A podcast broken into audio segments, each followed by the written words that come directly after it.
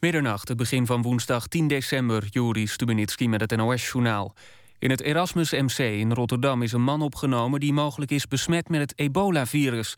Hij is in verschillende risicogebieden in West-Afrika geweest en raakte vanmiddag onwel in de auto. Hij reisde samen met twee anderen. De man is geen hulpverlener. De politie heeft een foto vrijgegeven van de vrouw die gisteravond in Amstelveen op straat werd doodgeschoten. Getuigen die de vrouw vlak voor de moord hebben gezien worden opgeroepen om zich te melden. De politie wil vooral in contact komen met twee automobilisten en een fietser die vlak voor en vlak na de liquidatie voorbij reden. In Haren in Brabant is een reinigingsmedewerker overleden die in een rioolput was gevallen.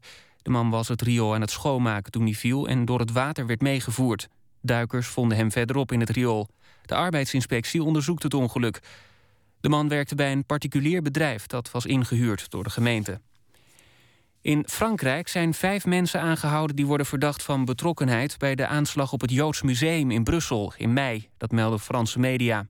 De drie mannen en twee vrouwen zouden de hoofdverdachte van de aanslag hebben geholpen. Bij de aanslag in Brussel kwamen vier mensen om. De website The Pirate Bay is uit de lucht na een inval door de Zweedse politie. Agenten zouden zijn binnengevallen bij een ruimte met servers in de buurt van Stockholm en hebben apparatuur in beslag genomen. Het is onduidelijk of er mensen zijn opgepakt. Via de Pirate Bay kunnen gebruikers muziek en films met elkaar uitwisselen. Zo'n 450 medewerkers van geldtransporteur Brinks gaan de komende dag actie voeren. Daardoor zullen volgens het CNV veel geldautomaten van Rabobank niet worden bijgevuld. De medewerkers van Brinks staken uit onvrede. 600 van de ruim 1000 banen dreigen te verdwijnen. Het weer vanuit het westen regen. Het KNMI waarschuwt in de kustgebieden voor zware windstoten. De komende ochtend neemt de wind af en de regen ook. Overdag geregeld zon, het wordt zo'n 7 graden. S'avonds opnieuw kans op zware windstoten. Dit was het NOS Journaal. NPO Radio 1. VPRO. Nooit meer slapen.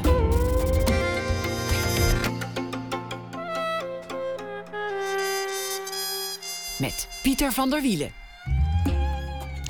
Goedenacht en welkom bij Nooit meer slapen. Purple Rain, het album van Prince, is alweer 30 jaar oud. Er is uh, maar liefst een heel boek over verschenen. Over het uh, album en over de film. En over de gitaarsolo. Aandacht daarvoor na één uur. Dan ook een uh, verhaal dat schrijver Daan Heerma van Vos speciaal voor ons schrijft. op basis van de afgelopen dag. Dat doet hij deze week elke dag. En in Nederland zijn er 35 levenslang veroordeelden. Veel mogen ze niet, maar trouwen in de baaiers, dat mag wel. Karen Goeiers maakt een documentaire over zo'n uh, echtpaar achter de muren. Dat ook na ene. Maar we beginnen met Fleur Bourgogne. Uitval heet haar nieuwe roman over een vrouw die door medisch ongemak, een weigerachtig been, haar verleden opnieuw beziet en ook haar manuscript herziet. Fleur Bourgogne is schrijver, schreef al vele romans: Stromboli, Spoorloos, Verdwijnpunt en nog veel meer. Dichtbundels schreef ze ook, journalistieke werken. Werd geboren als kind van een hoefsmid in 1946 in Achterveld. Leidde een uh, roerig leven, mag ik zeggen. Het rumoerige Parijs in 1968 was het decor voor het besluit om te gaan schrijven. Ze verkaste naar Chili, waar ze woonde tijdens het korte bewind van Allende. Daarna woonde ze in Argentinië onder de junta van Fidela. En daarna in Venezuela. En ze verkeerde in vele andere gebieden op roerige momenten. Onder andere in Beirut, kort na de burgeroorlog. Welkom, uh, Fleur Bourgogne. Ja. Zijn er dingen waar je spijt van hebt in je leven?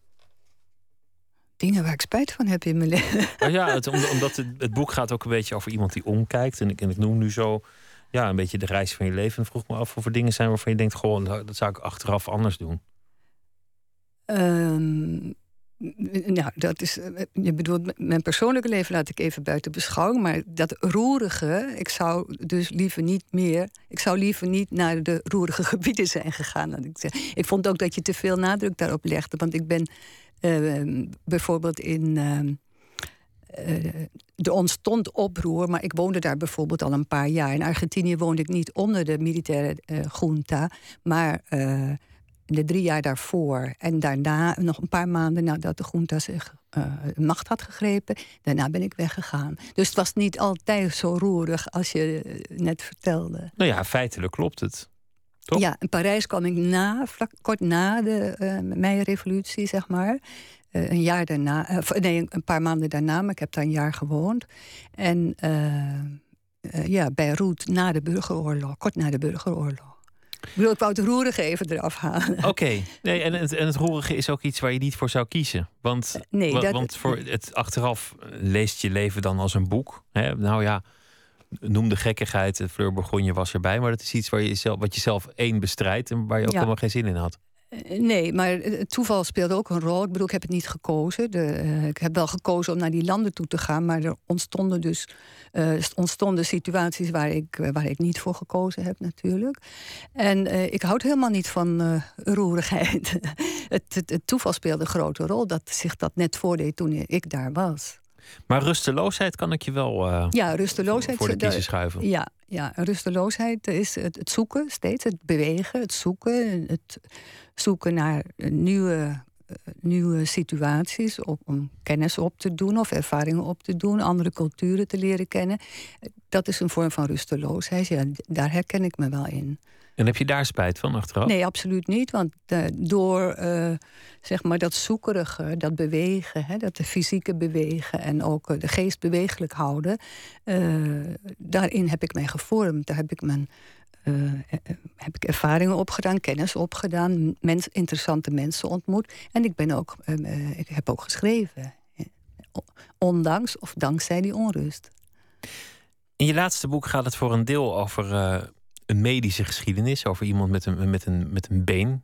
De, de uitval van, van het een- been. Ja, met, met Ja, een ja. lastig been ineens. Aha. Daarvoor schreef je een, een dichtbundel dat ook eigenlijk ging over, over ziekenhuisbezoek.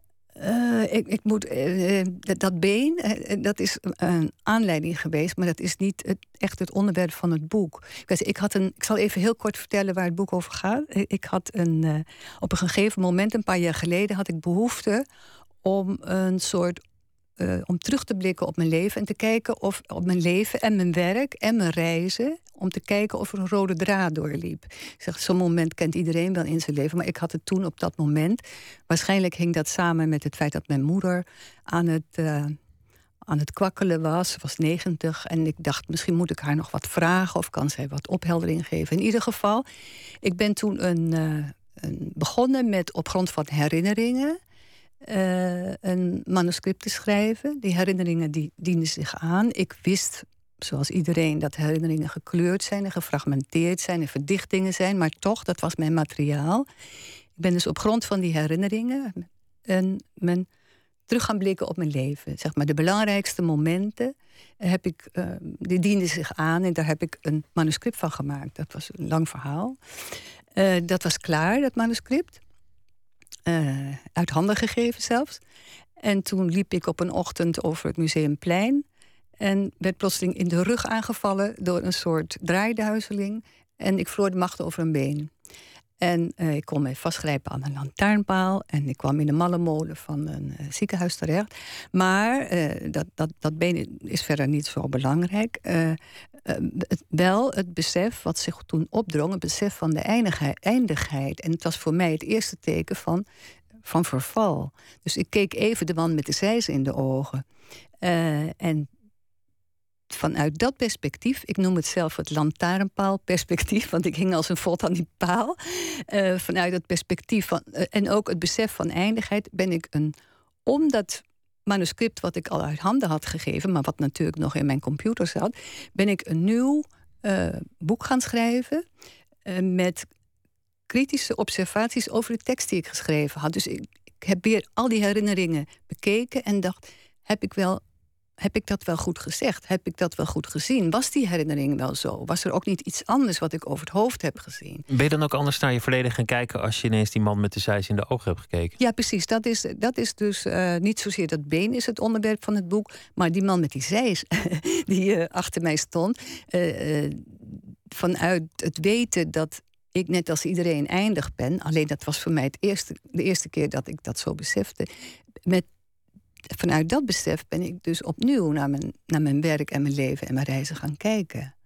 En Nou was je leven natuurlijk altijd eindig. Dat is, dat is de grap. ja, bedoel, je leven is, alle, alle levens zijn eindig. dus je leven is niet meer eindig geworden om, omdat er ineens krabbel in een been is of, of je, of je aan een nee, maar het gaat om het besef. Het gaat om dat je plotseling je eh, intens beseft dat, dat je eindig bent. Natuurlijk wist ik dat en ik heb dat overdacht. En ik heb, maar ik heb nooit iets gevoeld aan mijn lichaam dat wees op eindigheid. En dat was voor het eerst dat mijn been zei: Nou, doe het zelf maar, loop, zelf, loop maar met het ene been verder. En dat was voor mij een enorme schok, omdat ik altijd gereisd heb met deze twee benen. Eh, loopplank op, loopplank af, trein in, trein uit, vliegtuig in, vliegtuig uit. Ik had de wereld bereisd met die twee benen. Ik heb nooit gedacht, één been kan zeggen, nou, eh, zoek het maar uit. Dus dat was voor mij een heel schokkend besef. En het was ook de eerste keer dat ik dat besefte. In Parijs 1968 beschrijf je in het boek dat je, dat je moe bent en je zit bij de, de metrohalte Cité. En, en, en daar besluit je eigenlijk dat je leven uit schrijven zal bestaan. En, en je benen zijn dan moe. Je zegt, mijn benen wilden mij niet dragen. Ja, ja toen speelde die benen inderdaad een rol. Ik was zo intens moe, maar dat was... Ik kom uit een Gelders dorp. Ik maakte de sprong naar Parijs, 68. Eh, ik kreeg een enorme lading aan hele nieuwe indrukken. Nieuwe mensen, nieuwe taal, nieuwe... De, de, filosofie hing in de lucht, de politiek hing in de lucht. Dus kwam een lading aan indrukken op mij af. En dat gaf een plotselinge, uh, een plotselinge vermoeidheid. Ja, het was echt een fysieke vermoeidheid. En ik weet nog, kan het nu ook nog navoelen, dat ik op die trap min of meer viel.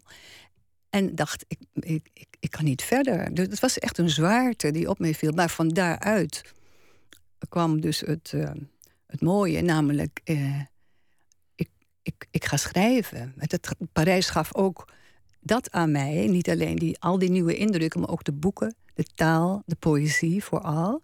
Dus in Parijs heb ik echt voor het eerst gedacht: ja, ik wil, ik wil schrijven. En ik ben toen ook begonnen met schrijven. Het meisje uit Achterveld werd een, een vrouw van de wereld in, in Parijs. Uh, nee, nog niet echt van de wereld. Vrouw van de wereld. Ik weet niet wat bedoel je met vrouw van de wereld. Nou ja, van de, van de taal, de literatuur die, die toch oh, ja, een ambitieus plan heeft om te schrijven. En, ja, ja, in die zin wel. De wereld ging open, want het dorp waar ik geboren ben is een uh, heel gesloten dorp toen. Nu is het een forense dorp, maar toen was het een agrarische gemeenschap. Waar mijn vader dus hoefsmid was, mijn grootvader ook. Mijn moeder had een winkel. Um, maar het was een gesloten gemeenschap, een katholieke gemeenschap in een gereformeerde omgeving. Dat was mijn wereld. Dus toen ik de sprong naar Parijs maakte, dat was een enorme sprong. Toen ging de wereld voor mij open. Ik kon verder kijken. Ik ben sindsdien ook grote reizen gaan maken. Allemaal verder weg van het dorp om te zien wat er nog meer was achter de horizon. Daar begon het. Maar het begon met, uh, althans in je boek, met twee benen die zeggen: Nou, bekijk het maar, wij zijn moe, uh, ga hier maar even zitten. Ja. Het is natuurlijk wel iets heftiger als je been echt weigert, als het niet vermoeidheid is of tintelingen, maar gewoon een, een, een, een uitval van het been. Heeft het je desalniettemin ook zo'n fundamenteel inzicht opgeleverd? Uh, wat bedoel je? De, dat... Nou ja, zoals je toen in 68 dacht: Goh, nu moet ik gaan schrijven. Ja. Heeft het je nu ook richting gegeven? voor de rest van je bestaan? Je bedoelt het voorval op het Museumplein? Ja. Uh, nou ja, wat ik zeg, het, besef van, uh, van de eerste tekenen van verval. Dat is een vreselijk woord natuurlijk, maar goed, uh, er kan iets misgaan. voorheen was ik, of voorheen, misschien ben ik het nu wel weer, maar voorheen ook, was ik vrij roekeloos in het over de wereld gaan. Ik reisde vaak in mijn eentje. Achteraf denk ik, nou had ik dat wel moeten doen. Was dat niet een beetje al te onvoorzichtig? Maar dat deed ik. Um, nu, nu als, als je me dat nu op de man af zou vragen, zou ik zeggen, nou, ik zou niet meer in mijn eentje uh, naar bijvoorbeeld de Tasmanië of Siberië of de Sahara gaan. Dat zou ik niet meer doen, maar dat deed ik dus voorheen wel. Dus dat, dat is in ieder geval een gevolg van het feit dat ik me toch in de rug aangevallen voelde door, door, die, uh, door die man met die zeis. Je boeken gingen eigenlijk altijd al over de dood, over gemis, over, over afscheid. Maar dan, dan niet zozeer van jezelf, maar van, van anderen om je heen. Maar het thema is eigenlijk in, in, in ieder boek zo'n beetje aanwezig. Ja, dat zou kunnen. Ik denk dat de meeste schrijvers uh, maar een paar thema's hebben waar ze voortdurend omheen cirkelen, het steeds anders verpakken in een ander verhaal. Maar je kunt obsessief met iets bezig zijn. Ik weet niet of het in mijn geval obsessief is, maar uh, ik denk wel dat ik een aantal thema's in mijn schrijversleven heb, die, uh, die ik steeds opnieuw uh, vanuit een ander perspectief probeer te belichten. En de ene keer is dat een personage. En meestal zijn het personages, maar in dit boek eh, ben ik het zelf. Is het eigenlijk niet gek dat je, dat je altijd bezig bent met vergankelijkheid, sterfelijkheid en nooit echt zo expliciet hebt nagedacht over je eigen eindigheid? Eh, misschien is het nadenken over eindigheid in anderen toch een indirecte manier om na te denken over de eindigheid van jezelf. Dat weet ik niet. Maar eh, het zit dan toch in je hoofd. Eh, de ene keer projecteer je dat in personages en werk je dat uit. Maar nu, maar nu was ik het zelf. Heeft het zich ook nog vertaald naar een, een nou ja, zoals je tegenwoordig zou noemen, een bucketlist? Als je denkt, ik heb de man met de zijs in de ogen gekeken nu moet ik nog voor de komende, nou ja, 20 jaar die mij nog gegeven zijn, of, of 30 jaar, moet ik nog dit doen? Ik weet niet wat een bucketlist is. Ja, een bucketlist is iets wat, wat tieners gebruiken als, als een afstreeplijstje van dingen die ze nog in het leven willen doen. Oh, zo denk ik helemaal niet. Nee? nee, absoluut niet. Ik leef veel meer bij de dag. Ik bedoel, ik, ben, ik denk, dit boek is af. Hè. Dat is een paar weken geleden uitgekomen. Daar heb ik ook een, dat is dat dit thema, dit onderwerp is ook af. Dat terugblikken naar mijn eigen verleden. Dat heb ik geprobeerd te doen aan de hand van het manuscript met die herinneringen. Dat heb, beschouw ik als gedaan, als voltooid. Dat interesseert me nu ook niet meer. Ik heb geprobeerd de rode draad in mijn leven te ontdekken. Uh, die heb ik niet echt ontdekt. uh, en nu uh, leef ik bij de dag. Ik ga een nieuw boek schrijven of gedichten schrijven. En verder heb ik geen lijstje. Waarom zou ik een lijstje maken als er ieder moment iets kan gebeuren? Dat, ik vind dat echt zinloos lijstjes maken met dingen die je nog zou willen doen. Want misschien over een jaar of over een maand gebeurt er iets wat dat hele lijstje weer omver zou uh, gooien. Ja, bovendien ben je dan alleen maar bezig met het lijstje en niet met, met wat je ja, dus feitelijk meemaakt. Dat is de gedachte, die bucketlist is iets wat mij totaal vreemd is. En altijd ook vreemd geweest is. Wat als het uh, was gebeurd? Want een, een been dat uitvalt zou kunnen duiden op iets, iets neurologisch. Op een, op een propje ergens dat, uh, dat op de verkeerde plek in het been is geschoten kan dus ook duiden op uh, aanstaande eindigheid. Ik ben geen dokter, maar volgens mij zit dat zo. Wat als het ineens voorbij is? Je bedoelt voorbij definitief fataal, voorbij? Dan... Ja, gewoon dood? Nou, dan ben je dood. Maar wat, wat, wat zou dat voor jou hoe denk je er dan over op, op, op die nee, als ik dood ben, kan ik niet denken. Nee, maar die, die ene seconde voordat het. Zeg ja, maar, heb ik geen. Dat weet ik werkelijk niet. Ik, ik kan niet zeggen wat, ik, wat er dan door mij heen zal gaan. Dat is, dat is, eh, dat is volstrekt onbekend. Dus zo diep heb je de man met de zijs ook niet in de ogen gekeken dan? Nee, hij kwam langs. Hij kwam langs. Hij zwaaide even en liep weer door. Gelukkig maar. Laten we gaan luisteren naar. Um, muziek van eh, John Grant. Die heeft uh, muziek opgenomen met de BBC Philharmonic Orchestra. Het nummer heet Sigourney Weaver. En daarin uh, bezingt hij dat hij zich soms voelt als de actrice Sigourney Weaver in de film Alien. Dat ze de aliens van aarde moet weghalen, maar dat ze blijven terugkomen. Dat soort tafereelen. Hier is John Grant.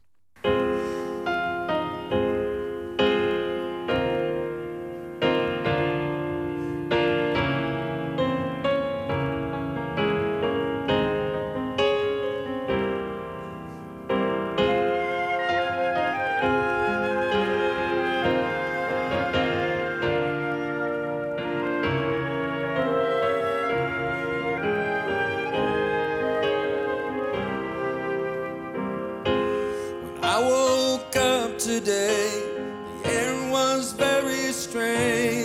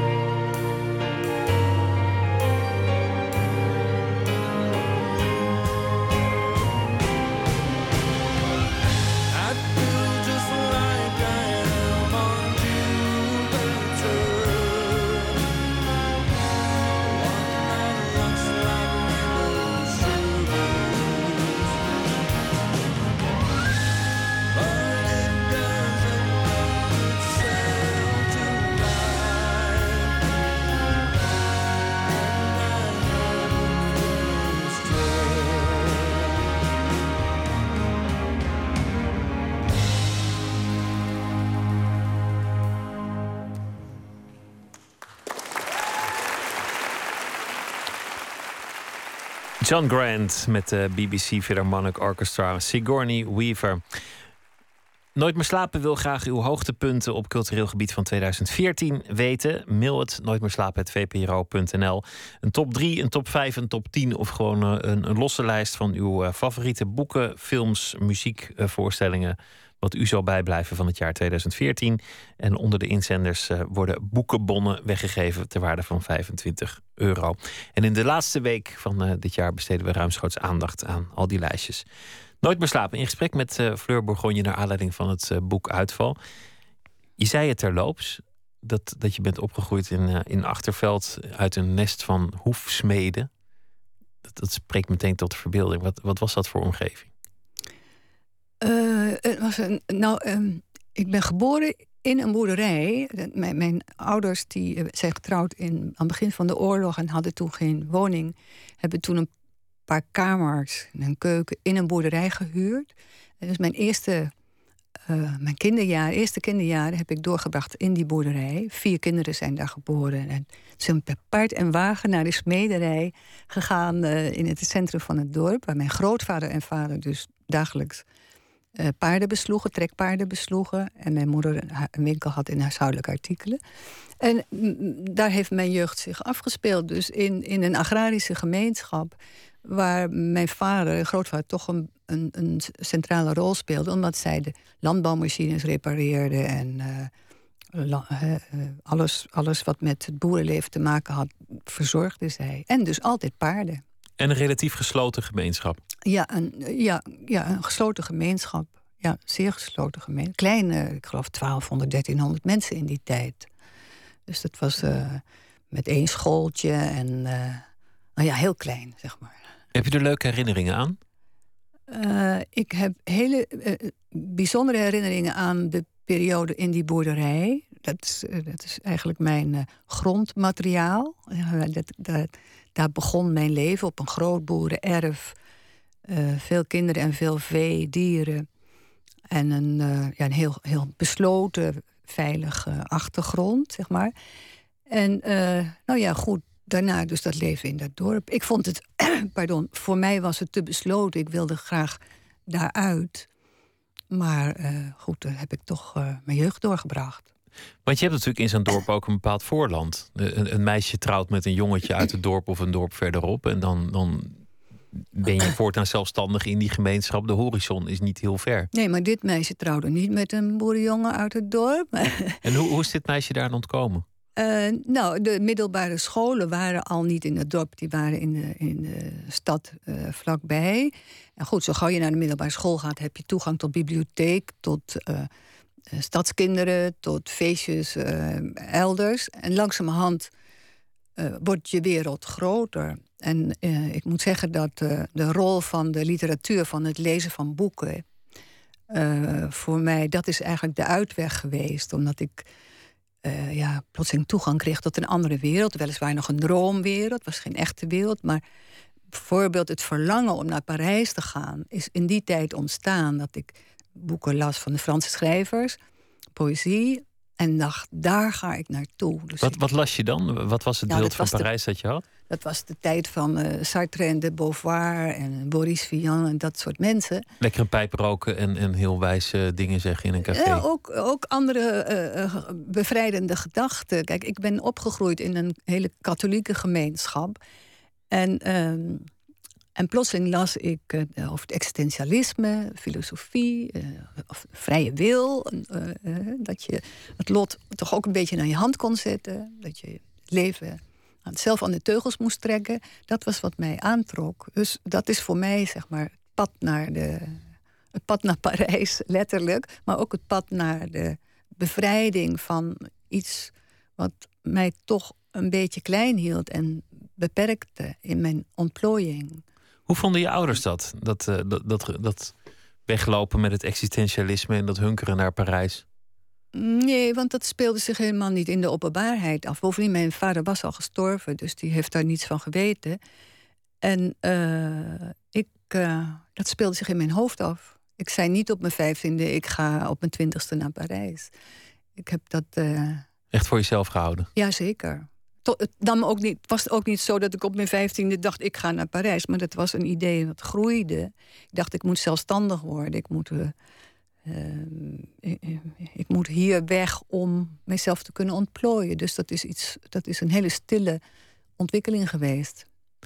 Je was in Parijs kort na de meidagen van 1968. Mhm. Het land stond op zijn kop. Het was, het was een, een bijna staatsgreep. Er is zelfs een moment geweest dat, uh, dat de Gaulle het land schijnt uit te zijn gevlucht. De, de, de barricades in het Quartier Latin waren overal. De geur van traangas die, die was er. Dat was vooral de meidagen.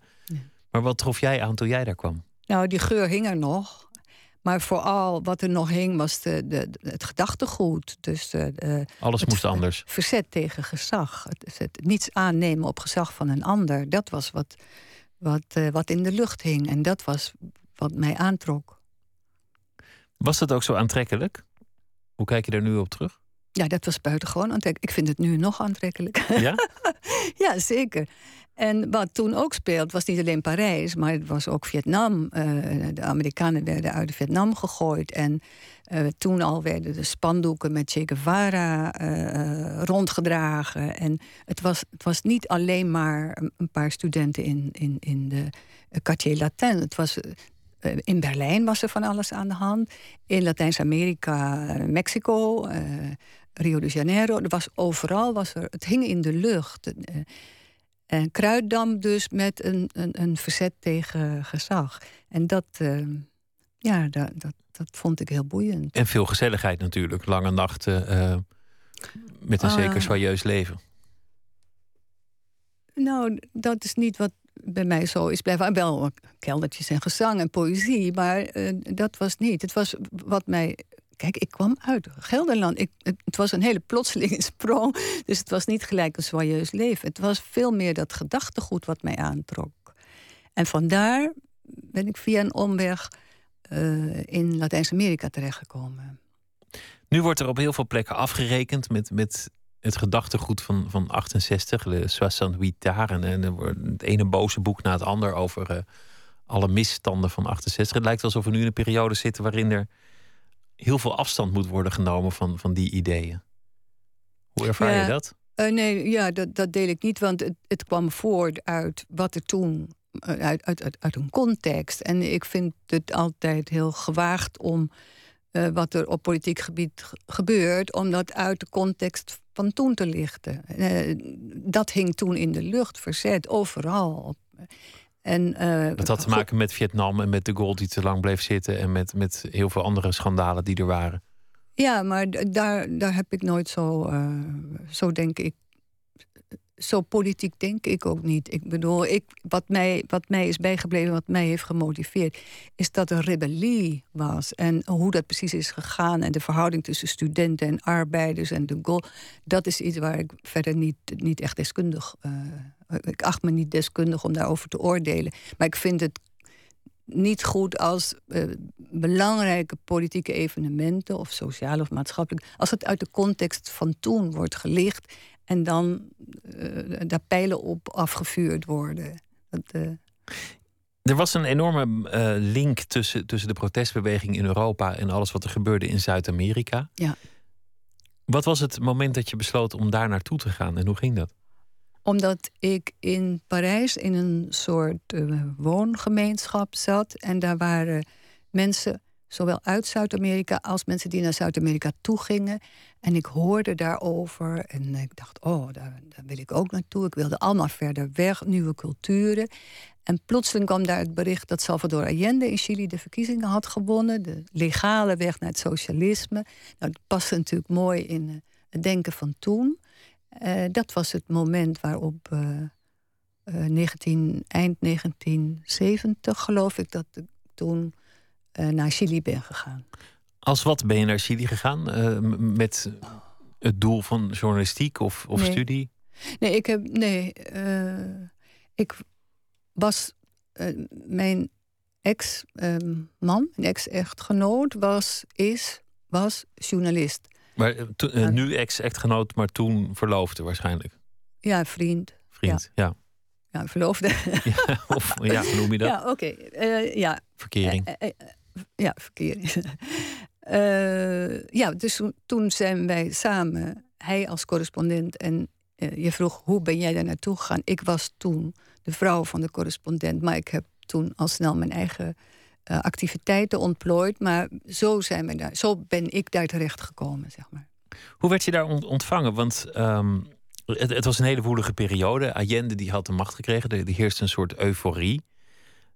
Eigenlijk achteraf moeten we constateren dat dat, dat niet terecht was. Dat het niet stand heeft gehouden. Dat, dat, dat het gevaar op de loer lag. De euforie was wel terecht. De euforie was terecht. Maar goed, het is... Het is, het is misgegaan. Het is erbarmen. Ja, het is, het is, uh, het is misgegaan, ja. Het is, uh... Maar hoe keken ze tegen jou aan? Een, een meisje uit, uh, uit het oosten van Nederland... die weliswaar in Parijs was geweest... maar die daar als Europeaan rondliep tussen, tussen al die Latino's.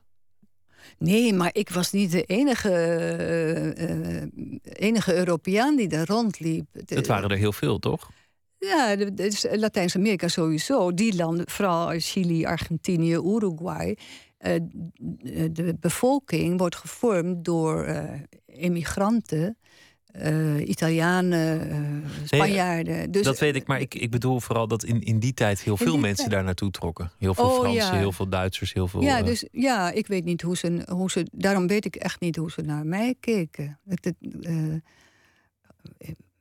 ik, ik, heb geprobeerd om niet, niet mij bijzonder te gedragen. En gewoon de dingen daar te doen die zij ook deden. En... Ik, ik, vraag het omdat het opgevat zou kunnen worden als bemoeienis. Ja, maar ik bemoeide me niet. Ik, ik, het was niet dat ik mij als een bemoeial heb gedragen. Uh, ik, ik, studeerde, ik werkte. ik, ik heb me niet. ik, ik, ik was min of meer geïntegreerd in. Ik had Chileense vrienden. Ik heb niet in een Nederlandse kolonie of in een eh, compound gewoond of zo. Ik, dus ik weet niet hoe zij naar mij keken. Ik weet wel hoe ik naar hen keek, maar ik weet niet hoe andere mensen naar mij keken. Hoe, hoe keek jij naar hen? Ik was ontzettend geboeid en had enorme bewondering voor iets wat ik helemaal niet kende, namelijk hoe. De, hoe uh, we hebben het nu over de, de Chilenen. Zij zijn, uh, waren heel erg politiek bewust, konden heel goed verwoorden wat ze wilden organiseerde perfect stakingen. Uh, vrouwen waren actief. Ik vond, het was voor mij een, een, een, openbaring hoe mensen deelnamen aan het maatschappelijke leven en aan het politieke leven. En hoe, hoe gevormd ze waren in hun denken. Dat, dat was voor mij uh, zeg maar een stimulans om heel snel ook in te werken in de problematiek van een land. Ik zag hoe zij daarmee bezig waren. En vond dat ik een hele grote achterstand had in mijn politieke denken en in maatschappelijke eh, bewogenheid. Dus ik heb daar heel veel aan gehad. Heb je het gevaar gezien achteraf? Heb je, heb je tekenen gezien dat het uh, mis zou gaan? Dat die, dat die staatsgreep van Pinochet zou komen? Ja, dat hing in de lucht. Dat was uh, natuurlijk een enorme spanning. Uh, ik heb de, dat soort spanning veel erger beleefd in Argentinië, waar dus veel zwaarder in de lucht, de, staatsgreep in Argentinië. Want ik moet natuurlijk zeggen dat na Chili uh, wij toen nog naar Argentinië zijn gevlucht, min of meer. 11 september 1973 ja, 11 september 1973. Allende afgezet, Pinochet Nou, hij werd niet afgezet, hij werd... Vermoord. ja, ja, ja. Pinochet nam de macht over met een junta. En nou, mensen zoals wij konden beter een koffer pakken of zonder koffer vertrekken.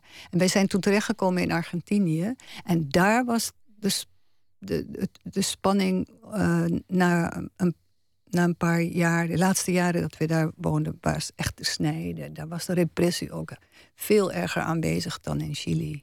Hoe is dat, hoe is dat vertrekken gegaan? voor jou? Heb je nog wel je koffer kunnen pakken? Nee, nee. Nee, niet. Want uh, oh, dit voert heel ver weg van het boek wat ik geschreven heb. En het komt er eigenlijk ook helemaal, dat komt er ook helemaal niet in voor. Maar um, het vertrek is gegaan. Nou, de, de, de, plek waar wij, ik moet dus voortdurend wij nog zeggen, uh, die werd beschoten. En er zaten ook uh, um, mensen, vluchtelingen, politieke vluchtelingen uit andere landen, woonden ook in die flat. Dus het was een een doelwit van, uh, van militairen. Uh, nou, daar hebben we een paar dagen opgesloten gezeten. En op een gegeven moment was er een gelegenheid om daaruit te gaan. We zijn toen zonder iets mee te nemen eruit gegaan en door een auto van de Nederlandse ambassade ergens opgepikt en hebben daar twee weken in de ambassade gezeten en zijn toen op het eerste beste vliegtuig naar Nederland gezet. En uh, daarna zijn we naar Argentinië teruggegaan. Waar het ook weer lelijk mis zou gaan. In die zin hadden jullie ook gewoon geen geluk. Ja, maar het ging niet om ons. Het ging om. ik bedoel, het ging om, om die landen en de mensen die daar woonden. En ja, wij waren daar. Ja. Ik bedoel, het ging niet om ons. Hoe lang heb je het volgehouden onder, uh, onder Videla? Nee, uh, niet lang, want uh, de staatsgreep van Videla was in maart, als ik me goed herinner. En in mei, begin mei, ben ik met mijn dochtertje naar Nederland gegaan. En je dochtertje is daar geboren? Ja, ze is daar geboren. Maar dat ging allemaal, bedoel, dat ging allemaal gewoon rustig en goed, zoals het. Dat dan, die geboorte had nog niet te lijden onder het. Die geboorte had zwaar te lijden onder de politiek, omdat de arts die, uh, die mij bij, die de bevalling moest leiden, werd weggeroepen omdat hij naar een politieke manifestatie moest. En hij zei, en, en uh, hij, was, hij was er dus gewoon niet. En hij uh, achteraf zei hij, ja, maar toen ik daarover mijn beklag deed, zei hij, ja, maar het lot van een heel volk is belangrijker dan het lot van een één individu, te weten jouw kind. En dat heb ik heel erg uh, verschrikkelijk gevonden. Dus, dus jij lag eigenlijk gewoon in je eentje een kind op de wereld te zetten? Uh, nou, op, het, op een gegeven moment kwam hij aangerend in zijn activistenpakje.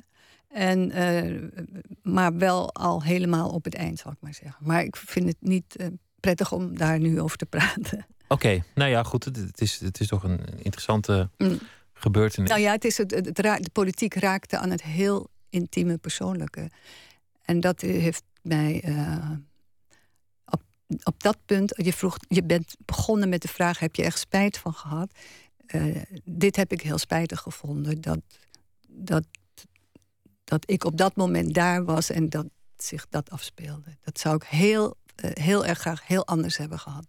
Want eigenlijk zijn er plekken waar je gewoon niet wil zijn plekken waar revoluties zijn, plekken waar burgeroorlogen zijn, plekken waar, uh, waar geweld staatsgrepen zijn. Ja, wil je, überhaupt waar geweld is, wil je niet zijn. Althans, ik wil daar niet zijn. En toch is het je steeds overkomen dat je er wel was? Uh, ja. Of een aantal keer? Een paar keer, ja. ja. Je bent toen uh, uiteindelijk in Venezuela terechtgekomen. Hoe kwam dat dan weer? Omdat wij weg moesten uit Argentinië. En nog steeds geen zin hadden om terug naar Nederland te gaan. Mijn man was correspondent voor Latijns-Amerika. Dus die moest gewoon dat werk doen en moest het ergens vandaan doen. Ja, en, en, de, en uh, Venezuela en Mexico waren de twee landen uh, waar de vluchtelingen, de politieke vluchtelingen uit Chili en Argentinië en Uruguay naartoe konden. Omdat daar uh, zeg maar een, uh, geen politiek geweld was. En, en, die landen ontvingen die mensen ook. Dus, dus wij gingen gewoon met die stroom uh, vrienden, kennissen, mensen die verdreven of, of, of het vluchtgeslagen waren. Ehm, dan gingen wij mee naar het noorden van Latijns-Amerika, zeg maar. Naar de, naar, we hadden ook naar Mexico kunnen gaan, maar we kwamen in Caracas, in de hoofdstad van Venezuela terecht. Je bent eigenlijk een groot deel van je leven buitenstaander geweest. Ja, maar ja, ja, ja. ja, ja, het is maar een constatering, maar het is best, best een ingrijpend iets om een ehm, buitenstaander te zijn. Ja, dat heeft nadelen, maar het heeft ook voordelen. Want uh, als je buitenstaander bent, goed, dan kan je je buitengesloten voelen, maar je zit dan ook in de bijna comfortabele positie dat je vanaf de zijlijn kunt kijken. Of, uh, voor een schrijver is dat heel gunstig. Voor, daarom, daarom uh, het, het, heeft ook goede kanten. Uh, want je kunt, als je ergens middenin zit, verlies je vaak het overzicht. En, en als je zeg maar een beetje in de marge staat, in de, aan de buitenkant, aan de zijlijn, dan heb je beter overzicht over wat er zich op het middenveld afspeelt. En ik kende die positie al vanuit mijn kinderjaren, omdat ik zo ook was opgevoed van mijn, mijn, van mijn vader. Zei, je moet, uh, wij mochten nooit lid van clubjes zijn of uh, wilde dingen doen waar veel kinderen zeg maar, op, op straat. nee, we moesten altijd observeren, kijken. En dat deed hij zelf ook. Dus ik kende al heel goed die positie van buitenstaander zijn uh, je er heel ellendig bij voelen, omdat je graag mee wilt doen en graag eh, met hartstocht aan voetbal of handbal of wat dan ook mee wilde doen. Maar ik, ik, ik, ik, heb ook leren observeren en leren kijken en afwachten en het mijne ervan denken. Dus het is dubbel geweest. En je boeken gaan, naast dat ze vaak gaan over gemis en verlies, ook heel erg over het perspectief van een buitenstaander. Ja, maar dat hoort bij mijn schrijverschap. En dat zal ook zeker bij mijn aard horen. Ik weet niet, buitenstaande, het perspectief van waaruit ik het liefst naar, naar de dingen kijk, is vogelvlucht. Hè? Dus als het ware in een luchtballon, het mandje van een luchtballon hangen en naar beneden kijken en overzicht hebben. En uh, niet meegezogen worden uh, in iets, maar, maar overzicht houden. Uh, uh, kijken wat er gebeurt. En ook dan is ook een, een, uh, een positie van waaruit je de betrekkelijkheid van de dingen ziet. Want stel dat ik in al die situaties die jij nu aanroert, uh, niet ook de betrekkelijkheid zou hebben gezien, dan zou ik misschien uh, zijn geworden. Maar als je jezelf in die luchtballon plaatst en naar beneden kijkt, dan denk je nou, zo erg is het niet. Of, uh... Nou, dat lijkt me in sommige gevallen uh, moeilijk. Bijvoorbeeld als je een, een, kind baart en niemand je komt helpen. Of, of als je een, een, land uit moet vluchten en je mag niet je koffer pakken. Dan lijkt het mij best ingewikkeld om die relativiteit in te zien. Oh, die koffer kon me niet schelen. Maar dat, de situatie van het kind, maar dat was natuurlijk exceptioneel. Maar toch uh, neig ik ertoe om een filosofische moment in te, te bouwen bij alles wat ik doe of eh, wat ik zie gebeuren. En om het vanuit de anekdote, vanuit het uh, particulier, het individuele, uh, naar boven te tillen en ja, toch iets, iets universeels van te maken. Om niet in, in de anekdote te blijven of in, ja, in iets wat je kan verscheuren of, of, of mee kan sleuren. We gaan weer luisteren naar uh, muziek van een bluesmuzikant met de naam C6 Steve. Hij speelt op uh, veel wonderlijke zelfgemaakte instrumenten. Een driesnarige gitaar, een uh, instrument met één snaar en een schroevendraaier bijvoorbeeld. En een van de nummers die hij heeft gemaakt heet Happy Man.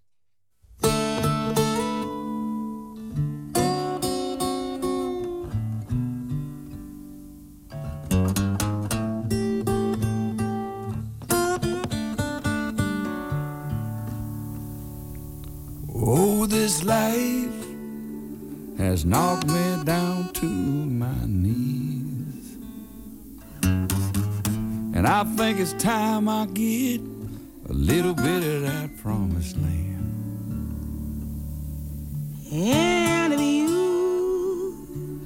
just put your arms around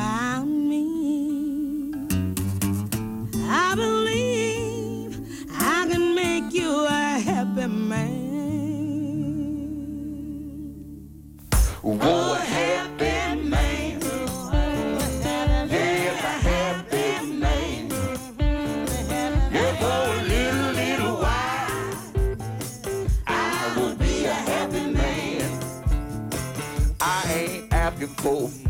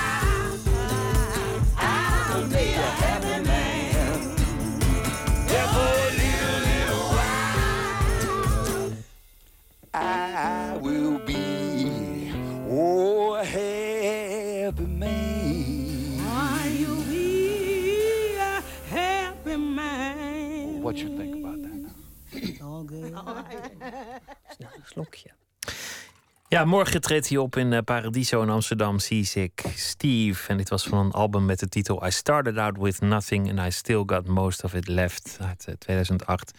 Nooit meer slapen in gesprek met schrijver Fleur Bourgogne. Ehm, we hebben het al een klein beetje gehad over het, eh, over het nieuwe boek. Iemand eh, wordt ineens overvallen door een medische geschiedenis. Door een, eh, nou ja, in jouw geval was de lantaarnpaal en een, en een been dat weigerde. En de sterfelijkheid is ineens een eh, factor in het leven. En, en in, het, eh, in het denken. Het ziekenhuis komt er ook in voor, net als in je, in je dichtbundel. Die maken ook een beetje een patiënt van je. Dat maakt het natuurlijk niet beter als je in zo'n ziekenhuis komt. Nee, daar moet je uitblijven. daar ja, ik je- bedoel, ze, ze doen goede dingen hoor. Het is ook goed dat er ziekenhuizen zijn. Maar de, de, de hele sfeer en inrichting en toon waarop ze praten... maakt je natuurlijk altijd zieker dan je was. Ja, het is een een soort malle molen waarin je terechtkomt. En eh, ook, daar, eh, ook daar moet je eigenlijk in een luchtballon gaan hangen.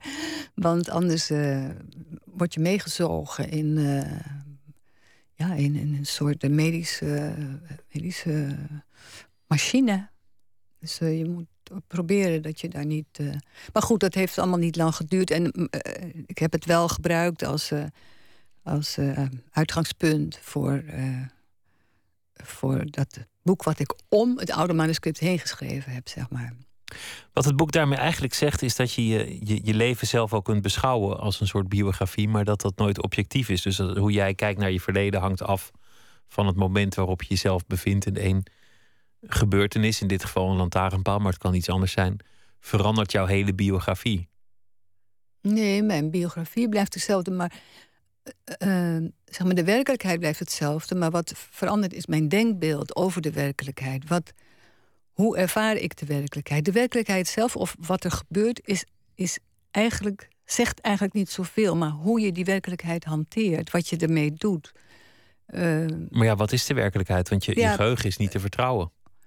Nee, je geheu- geheugen is niet te vertrouwen, maar het is wel het enige wat je hebt. Dus je herinneringen zijn, zijn altijd gekleurd, eh, zijn altijd gefragmenteerd, zijn altijd eh, verdichtingen. Maar het is wel je leven. Ik, ik denk dat het leven zoals je je dat herinnert, eh, meer over je zegt dan jaartallen, rapportcijfers, met wie je getrouwd bent, wat ook. Het gaat om het leven wat hoe jij het hebt ervaren en hoe jij je dat leven herinnert. Dat is de geschiedenis, de ware geschiedenis van je leven. Hoe jij. Ik denk dat iedereen eigenlijk een verhaal van zijn leven maakt. Ik, heb, ik ben schrijver, dus ik heb dit verhaal gemaakt. Maar als ik ergens ben waar een wachtkamer is of een, een trein waar mensen dingen tegen elkaar beginnen te vertellen, denk ik onmiddellijk.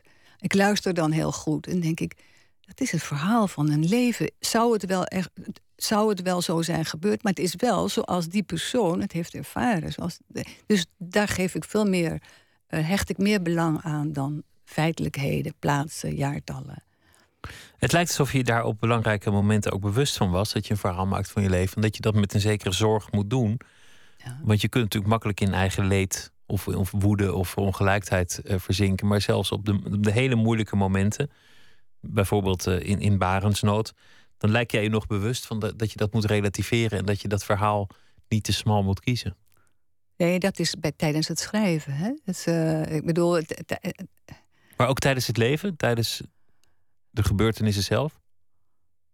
nee, die gebeurtenissen eh, die doen zich voor. Maar ik heb, dit boek bestaat uit herinneringen. Hè? Dus, eh, en, en die herinneringen, dat is eigenlijk de, de, de manier waarop ik mijn leven heb ervaren. En zoals andere mensen hun leven ervaren. Dat zegt meer over je leven dan feitelijkheden. Zeg maar, je verhaal, hoe jij je leven ervaart, is meer je leven dan het lijstje met, eh, met eh, je cv en weet ik het. Je bucketlist.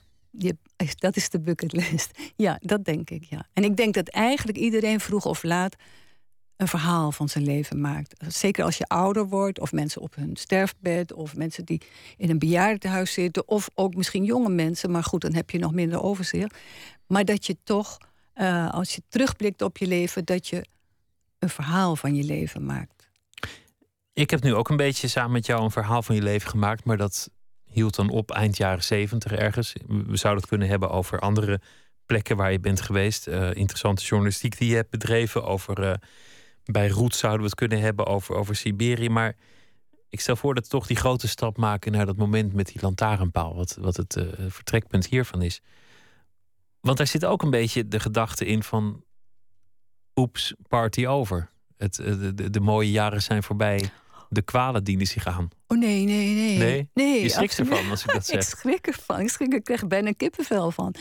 Nee, absoluut niet. Dit is een, een incident. Ik zie het als een incident, een waarschuwing, een vingerwijzing. Misschien moet ik zelfs wel dankbaar zijn dat ik een vingerwijzing heb gekregen. Want misschien dat ik nu iets zorgvuldiger of behoedzamer of, of filosofischer met de dingen omga. Maar het is niet zo dat ik nu denk, nu, nu begint de rampspoed. Absoluut niet. Ik, eh, ik ga. eh, ik, schrijf, ik leef, ik heb plezier. Dus nu wel veel tragiek naar voren gekomen in dit gesprek. Maar dat is echt niet. Mijn leven is, eh, is echt niet alleen maar lantaarnpalen en tragiek. En zo, zo ervaar ik het ook helemaal niet. Maar goed, ouder worden betekent wel dat, dat die kwaaltjes in ieder geval statistisch niet minder zullen worden. Nee, maar eh, daar moet je ook weer niet al te veel bij stilstaan. Het is, de statistiek zegt dat ja. Maar om daar nou. eh, ik zei het al eerder in het gesprek. Ik probeer wel in het heden te leven. En eh, dat is moeilijk genoeg, maar het is wel mijn streven om niet naar het bejaardentehuis te kijken, maar, maar gewoon op stap te gaan met het rugtasje op en boeken te schrijven en mensen te ontmoeten en eh, goede dingen te doen, leuke dingen te doen. Je hebt natuurlijk heel veel ehm, leuke dingen meegemaakt, maar ook heel veel nare dingen. En, en als het gaat over sterfelijkheid, dan heb je natuurlijk hele jonge mensen gehad in jouw omgeving die onder andere bij, bij de Junta in Argentinië plotseling verdwenen. Ja. Gewoon weg waren. Ja. Zonder een spoor, nooit meer iemand iets van gehoord. Je kunt alleen maar gissen naar wat hun lot was. En toen was je zelf eigenlijk heel jong toen je dat meemaakte. Ja, ik was eh, denk ik begin 30, eind, twi- eh, eind 20, begin 30. Eh, in Chili was ik natuurlijk jonger. In Argentinië, de mensen die verdwenen, we hadden ongeveer mijn, of de mensen die in mijn omgeving verdwenen, hadden mijn leeftijd. Waren mijn, beste vriendin. plotseling was ze weg. Ja, dat, dat waren dramatische momenten. En je zegt, we kunnen gissen wat er is gebeurd, maar eigenlijk van een aantal mensen Inmiddels weten we best veel. ja. Ja. ja, die zijn. eh, ik, ik, ben, ik heb daar onderzoek ook naar gedaan. In Mijn roman Verdwijnpunt. eh een van de verhaallijnen in die roman is, eh, is het verdwijnen van die vriendin. Die, ja, die ik regelmatig zag. Waar, waar nou bevriend, maar zij verdween plotseling. En zij is een van de mensen die waarschijnlijk uit, de, of waarschijnlijk, ja, uit die vliegtuigen is gegooid. Verdoofd, maar wel bij bewustzijn. Nou, de verdoofd, ja, ver- verdoofd, ik weet niet. Verdoofd dat je verlamd bent, dat je niks kunt doen. Nee, ze zijn geloof ik, ze zijn wel verdoofd en eh, eh, bewusteloos gespoten, zeg maar. Althans, dat is wat ik eh, in die eh, centra en in, in, in dat museum en al die, eh, die, die kazernes die nu museum zijn, eh, eh, ter informatie heb gekregen. Hoe heeft het jouw ehm, kijk op, op sterfelijkheid en eindigheid veranderd? Als je zo jong toch best veel mensen in je omgeving ziet verdwijnen. Mm, Nee, daar, kom je eigenlijk, daar kom ik eigenlijk nu pas aan toe. Dat was schokkend toen, maar mijn vader was bijvoorbeeld al overleden toen ik 19 was.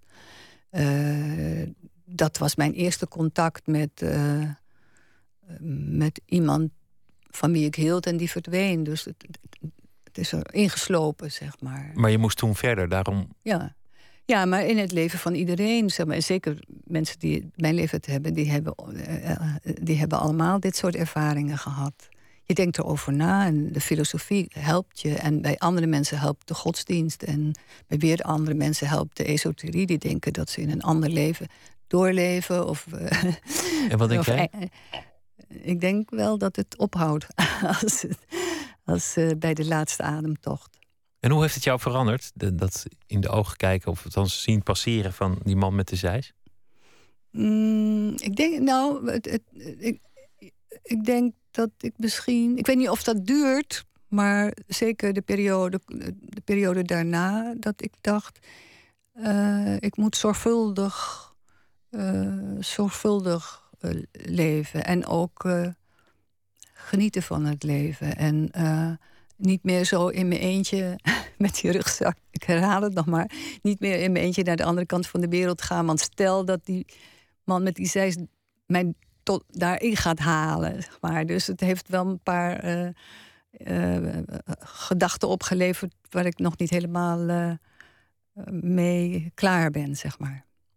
En het heeft een, een boek opgeleverd. Uitval is daarvan de titel. titel. Fleur Begonje, dank dat je te gast wilde zijn. En veel succes met eh, nou ja, alles wat je, wat je gaat doen. Dankjewel. Zometeen eh, in Nooit meer slapen een verhaal van eh, Daan Heerma van Vos. En we gaan het hebben over Prince. Omdat die een jubileum viert van zijn album Purple Rain. Alweer 30 jaar oud. Is een boek over verschenen. En we gaan het ook hebben over mensen die in de gevangenis trouwen. Als een van de partners levenslang heeft. Hoe ziet zo'n huwelijk eruit als een van de twee waarschijnlijk nooit vrij zal komen? Via Twitter, VPRO NMS. Of via de mail nooit meer slapen, VPRO.nl. Graag tot zometeen.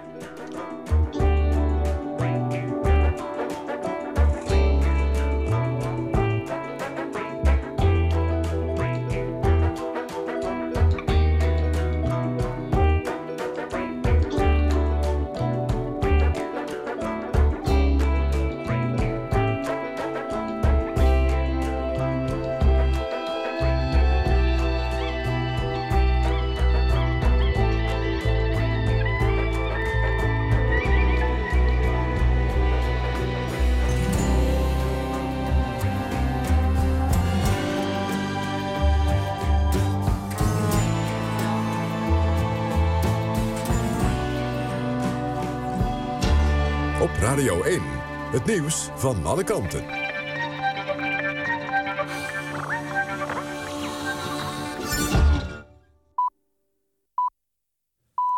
1 uur, Joris Stubenitski met het NOS-journaal. Bij een schietpartij in Amsterdam-Zuid is tegen middernacht een dode gevallen. Zijn lichaam werd voor een café gevonden. Van de dader ontbreekt ieder spoor.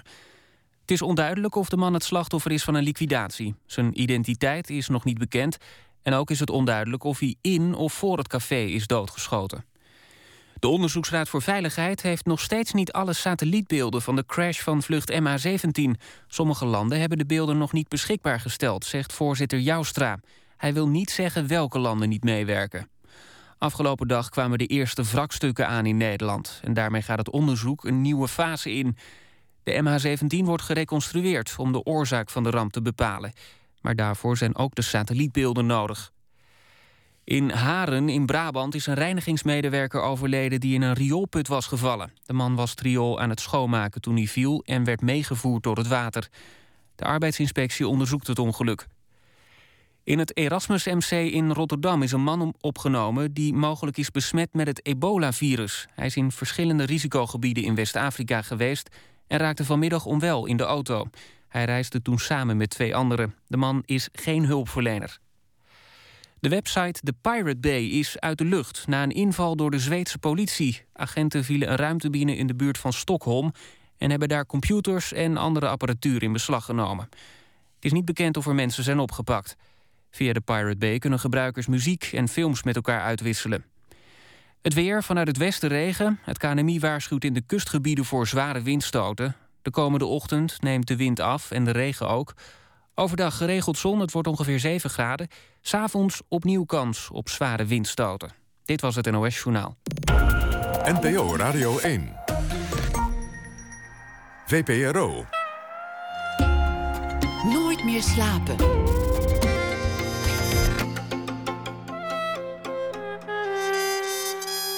Met Pieter van der Wielen.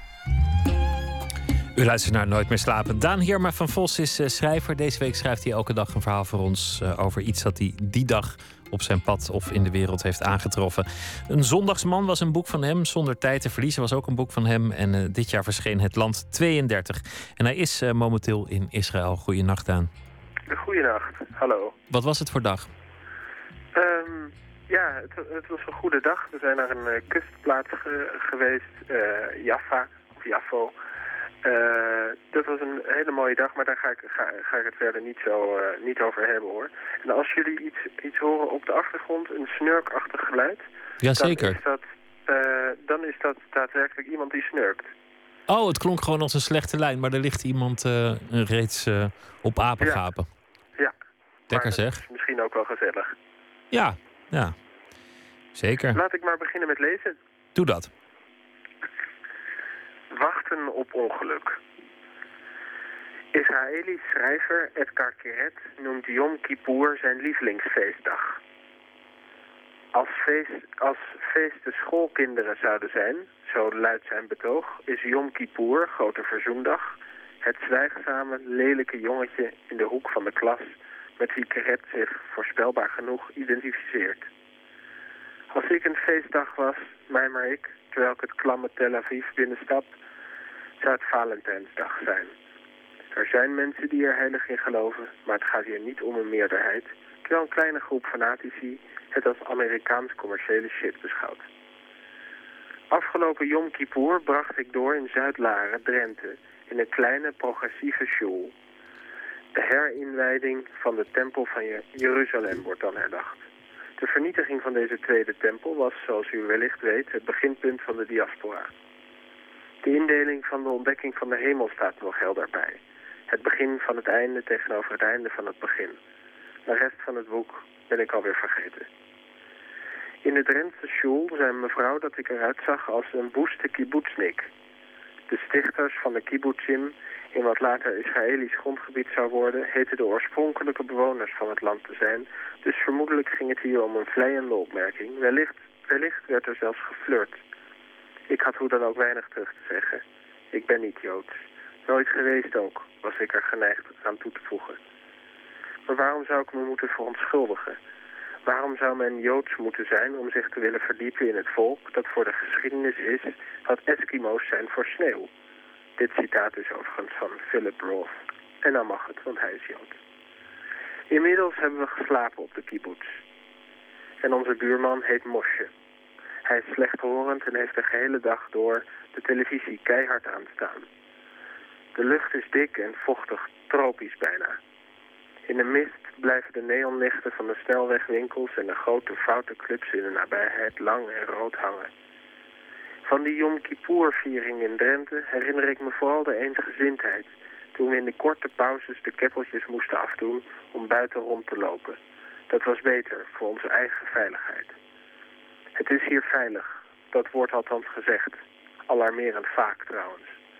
En toch zijn er straaljagers en helikopter, helikopters. Ik kijk veel en lang naar het luchtruim. Alsof ik wacht op ongeluk. En hier heeft al die tijd iemand netjes doorheen gesnurkt. Ja, ik begin nu, nu ook te twijfelen. Misschien is het ook gewoon een slechte lijn. Ja, het is ook gewoon een slechte lijn. Maar, maar, maar je ziet niet iemand fysiek snurken. Er ligt niet iemand naast jou nu. eh, Jawel, dat ook, dat ook. Jawel, dat ook.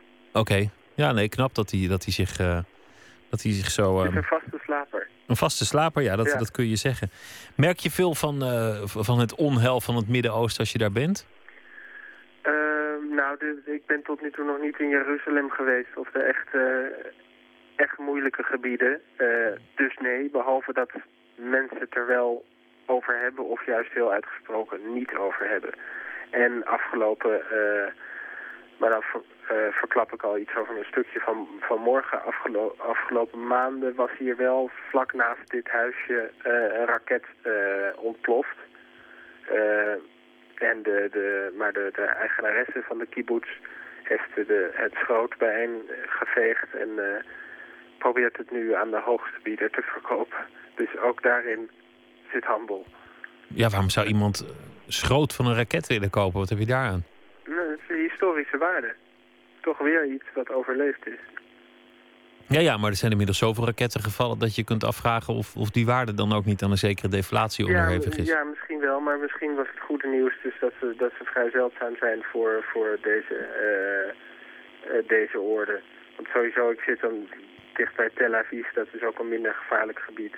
Maar ik ga overmorgen naar eh, Jeruzalem en dat zal eh, eh, iets nou ja, spannender worden. Of dan kan je door verkeer te rijden ineens in de verkeerde wijk terechtkomen en zo.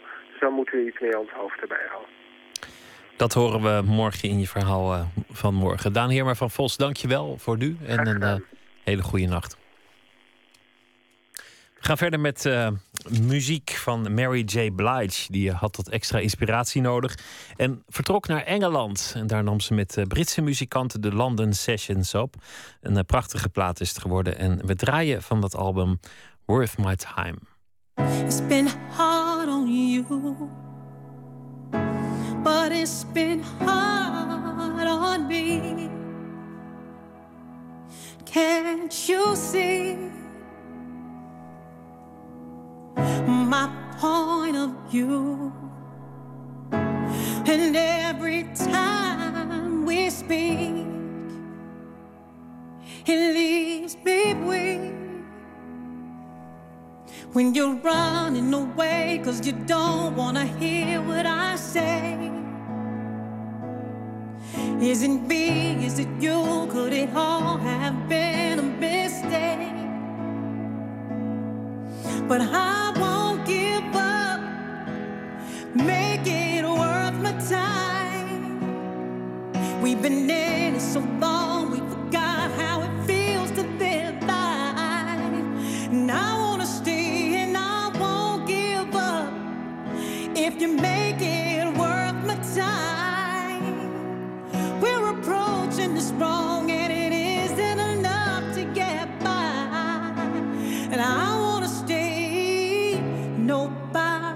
But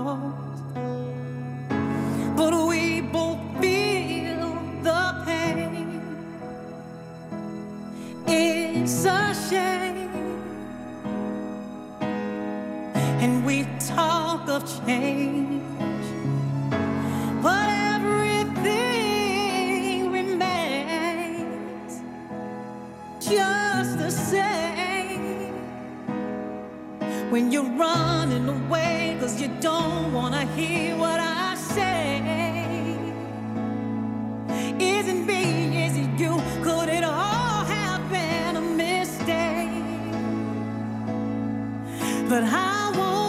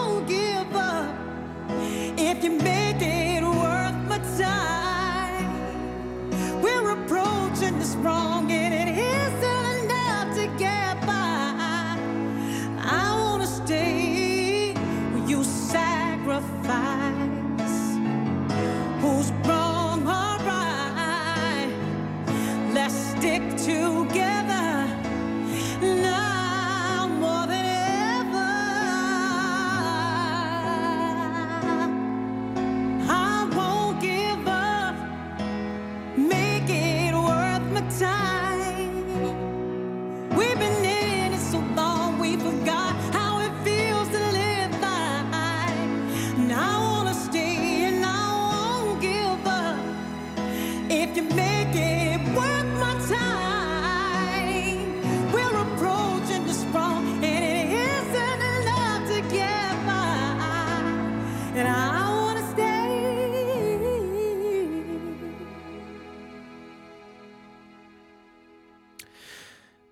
Worth My Time van eh, Mary J. Blige van haar album The London Sessions. De redactie van Nooit meer slapen wil graag weten wat uw culturele hoogtepunten van eh, 2014 waren. Die kunt u mailen nooitmeerslapen@vpro.nl.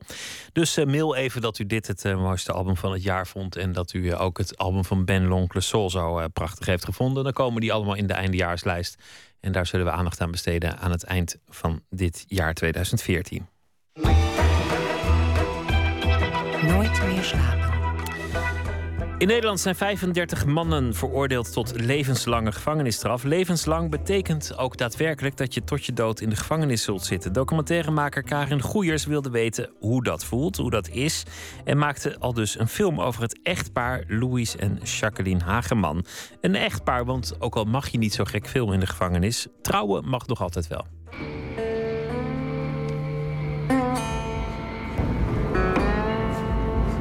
Ik moet ergens wel lachen, want hij gaat met zijn gezin eh, zondags een dagje daar naartoe. Die gaan gewoon één keer in de twee weken uit naar de baaiers. Dat is mijn uitstapje.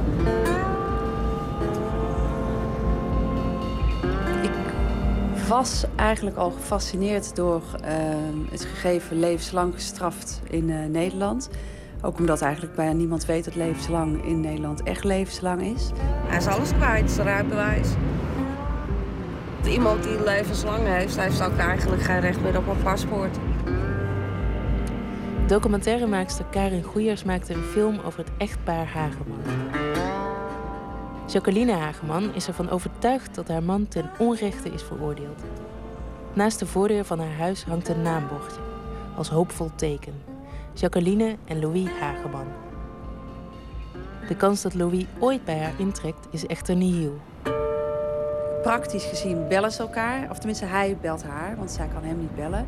Dus hij belt haar één, twee keer per dag in principe. Het zijn meestal korte telefoontjes. Dat is nu. Hallo, Ja, ja, schreeuw niet zo. Je schreeuwt. Dan hebben ze wel in ieder geval dat dagelijkse contact... waarin ze goed op de hoogte blijven van ja, wat, wat ze bezighoudt en alles. Ja, en daarnaast hebben ze natuurlijk het feit dat ze dus gerechtigheid zoeken voor Louis. En dat is wel ook echt een motor voor hun uh, relatie. Ik zit in de auto, ja? Gedraag je. Ja, ja, ja, ja. Ja, ja mooi. Hij is nog goed, poppetje. Rijd voorzichtig. Dan hoor je, hoor je me straks nog even, hè? Ja. Liefie, Ja, morgen. oké. Even... Ik voor jou. Doei. Doei, dus. eh, doei, Doei, doei. Ben je gaan begrijpen wat haar bezielt? Want hij zat toen al levenslang vast toen ze gingen Ja. trouwen. Ja, dat heb ik haar natuurlijk ook wel gevraagd. En dan zegt ze, ja, we zijn daar gewoon heel apart in, is dan haar antwoord. Ergens denk ik dat hij toch een grote liefde van haar moet zijn. Want ze kende hem natuurlijk al wel van daarvoor. Ze had hem, niet dat ze hem echt alleen maar in de gevangenis heeft leren kennen, maar ze kent hem ook van daarvoor. En ehm, ja, ik weet niet. Ik denk, blijkbaar voelt ze zich hier prettig in. Het is ook heel overzichtelijk, denk ik. Een man die er nooit is. Ja, of hij is er altijd. Zo kan je het ook zien. We hebben lol. Ik ben altijd een loner geweest. Ik ging mijn eigen gang, al heel jong. Van heel veel mensen hoor je, ja, maar zitten niet voor zweetvoeten hoor. Ja, wij staan gewoon niet naïef in het leven. We hebben, daar hebben we gewoon met z'n allen te veel van meegemaakt. Ze lijken wel echt, echt van elkaar te houden. Het heeft ook wel raar genoeg iets ontroerends of zo. Ja. Nee, dat is heel veel eh, liefde voor elkaar. Ja, ze, hebben, bedoel, ze leven wel, hoewel ze elkaar dan relatief natuurlijk weinig zien. En het misschien geen volwaardige relatie is eh, zoals jij en ik die zouden hebben. Maar zijn ze wel heel erg eh, betrokken bij elkaars leven. En dat zegt Jacqueline ook van wij. Ik denk dat wij het beter doen dan veel mensen die elkaar wel, die wel samen in één huis kunnen leven. Gewoon qua interesse en betrokkenheid en dingen die je voor elkaar over hebt. Voor een documentairemaker lijkt het me behoorlijk lastig als je een van je twee hoofdpersonen niet kan filmen. Wat in deze film het geval is. Ja, ja, dat was heel erg lastig. We hebben ook wel echt ja, tot het eind toe geprobeerd om eh Louis te kunnen filmen binnen. Dus wel wat, best wel wat verzoeken gedaan bij eh, justitie ook daarvoor. Maar dat lukte niet. Dus toen heb ik op een gegeven moment besloten van nou, dan gaan we in een. eh, dan moet ik het anders gaan visualiseren of dat verhaal in beeld anders gaan vertellen. Dus toen heb ik ervoor gekozen om naar een eh, leegstaande gevangenis te gaan. En hebben we daar dus heel veel shots gedraaid. En samen met zijn telefoonstem, die je dus wel heel veel hoort, geprobeerd om dan ja, in ieder geval inzichtelijk te maken van hoe hij zich voelt daarbinnen. Of hoe dat leven voor hem is. Want dat vond ik, ik vond de liefdesrelatie natuurlijk heel interessant. Maar ik vind het ook heel interessant om te weten van ja, hoe, hoe is dat nou om levenslang in die gevangenis te zitten met de wetenschap dat je er nooit meer uitkomt. Of de kans is in ieder geval klein. Ik leg er niet echt wakker van, maar ik slaap er ook niet goed door. En dus met ik kan dus wachten, kan er voor de rest weinig veranderen. Hij leeft van dag tot dag. Dus hij, hij kan niet denken aan. ik bedoel, hij, hij zegt ook echt letterlijk: voor mij is er geen wereld buiten de muur. Hij mag in de tuin werken, in de gevangenis daar. Dus dat vindt hij echt geweldig. Dus daar werkt hij iedere dag werkt hij daar. Dus heeft hij prachtige bloemen en hij verbouwt er groentes. En die groentes kan hij ook weer eh, aan de voedselbank schenken. En dus dan ja, dat vindt hij ook prettig, dat op die manier nog een soort maatschappelijk nut te hebben. En ja, weet je, daar, dat, dat, is zijn, eh, dat is gewoon zijn leven. En natuurlijk dat hij Jacqueline heeft. Ik bedoel, als hij haar niet zou hebben, zou het voor hem denk ik wel heel eh, moeilijk zijn.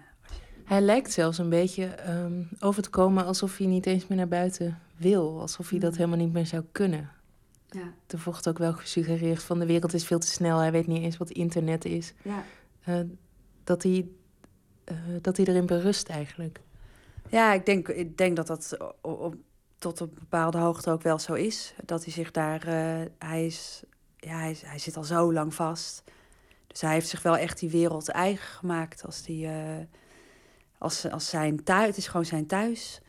En ik moest wel. Ik weet dat we in de montage ook. We hebben het uiteindelijk niet in de film kunnen gebruiken. Maar toen was hij met Jacqueline aan de telefoon. En dan hoorden we hem ineens tegen iemand zeggen: van... Hé, hey, prettig weekend, hè? Dus dan gaat er ook een bewaker naar huis. Weet je, het is, ja, je voelt aan alles van ja, hij is daar, ja, het is zijn huis. Alle planten die ik geplant heb, die, eh, die doen het allemaal goed. Dus alles ziet er goed uit. Er staan perenbouw in, er staan appelbouw in, er staan pruimenbouw in. Louis Hageman was lid van de Hells Angels. In de jaren 80 en 90 bracht hij al zo'n 18 jaar in de gevangenis door voor zo'n 100 verschillende delicten. Eh Persicaria, er groeit eh flauwmus, er groeit eh vloks, er groeit... eh nog meer... In 2003 werd hij veroordeeld tot levenslang vanwege de moord op de kinderen van zijn minnares Corina Bolhaar. Moeder en kinderen werden in 1984 in hun eigen huis om het leven gebracht door verwurging en messteken. Hageman was al snel verdacht, maar de politie kreeg het bewijs niet rond. In 2003 wordt hij alsnog veroordeeld nadat Peter R. de Vries er een zaak van maakt en met de verklaring van een ex-vriendin van Louis op de proppen komt. Maar in de documentaire van Karin Goeiers wordt dit verhaal grotendeels buiten beschouwing gelaten. Omdat ik daar helemaal in verdwaald raakte. Dus het was voor mij heel duidelijk vanuit moet gaan over levenslang gestraft in Nederland. En hoe dat leven dan is. En natuurlijk raak je wel nieuwsgierig, dat begrijp ik wel. Dat je graag wil weten van waarom zit hij dan en wat heeft hij dan gedaan. Maar we hebben het wel geprobeerd. Maar eigenlijk alles wat je dan aangaf, wilde je meer weten. Weet je, als je er eenmaal aan begint, dan wil je meer weten. En ja, dat, dat, dat, ja, daar ging de film niet over. Dan raakte je het kwijt of zo. Dan raakte, raakte ik mijn eigen filmverhaal weer kwijt. Dus toen heb ik eigenlijk wel echt besloten om radicaal ervoor te kiezen... om het gewoon buiten beschouwing te laten. Het liefst zie ik het natuurlijk elke dag, maar ja goed, dat eh, zit er dus nu even niet in. Tuurlijk wist ik het. Maar ja, mij ook. Ik had zelf tijdens het kijken dat je Louis sympathiek gaat vinden. Eh, omdat hij echt heel lief is tegen zijn vrouw. Maar elke keer als ik die emotie bij mezelf bemerkte, dan dacht ik, ja, maar misschien heeft hij wel twee kinderen vermoord. Ja, dat klinkt misschien raar, maar het was dan voor mij... Kijk, als hij het wel gedaan zou hebben, zou ik die film waarschijnlijk ook gemaakt hebben. Maar vind jij hem sympathiek? Oh ja, ik vind hem heel sympathiek. Ja, ik vind, ik vind hem zoals hij tot mij komt. Eh, want ik ben over de telefoon, ik ben ook eh, een keer bij hem op bezoek geweest samen met Jacqueline, omdat ik toch ook wel vond. Ik moet hem wel in de ogen een keer kunnen kijken en kunnen zien van wat voor man eh, is dat nou? Weet je, waar ik een film over maak. Ja, het is een heel aardig man. Ja, dat ik ben niet de enige die dat zegt. Dat, dat, eh, ja, maar dat. Ik, ja, ik denk dat het ook twee verschillende dingen zijn. Hè. Er zijn denk ik wel meer. eh, ja, men- mensen kunnen heel veel kanten hebben natuurlijk. En doe, eh, Louis vertelt zelf ook van dat hij vroeger heel agressief kon gedragen, bijvoorbeeld in de gevangenis. Dat doet hij nu ook niet meer. Ja, mensen kunnen ook veranderen natuurlijk. Maar had jij dan nooit dat rare gevoel van, oh, ik vind hem nu sympathiek, maar misschien, eh, je bent zelf ook een moeder, hij heeft Ja. de kinderen vermoord, misschien wel, dat, dat je dat lastig vond? Ja, gek genoeg misschien nee, niet. Nee, waarschijnlijk omdat mijn focus zo eh, duidelijk lag op dat levenslang. Dat ik dat eh, op een of andere manier ja, buiten kon sluiten of zo. Of dat me daar in ieder geval niet door belemmerd heb gevoeld. Nee. Vind je dat raar?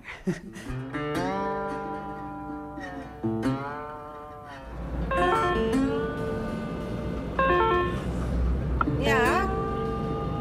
Dag meneer Hageman. Dag meneer Hageman.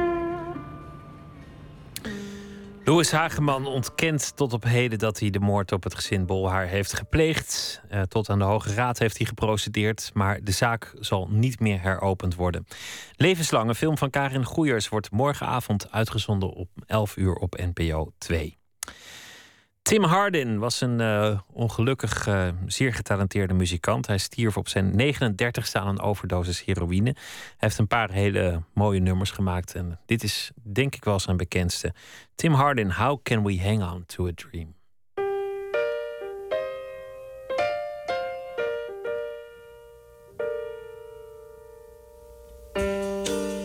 What can I say? She's walking away from what we've seen. What can I do? Still loving you. It's all a dream. How can we hang on to a dream? How can it really be the way it seems? What can I do? She's saying we're through how it was. What will I try? I still don't see why. She says what she does. How can we hang on to a dream? How can it really be the way it seems?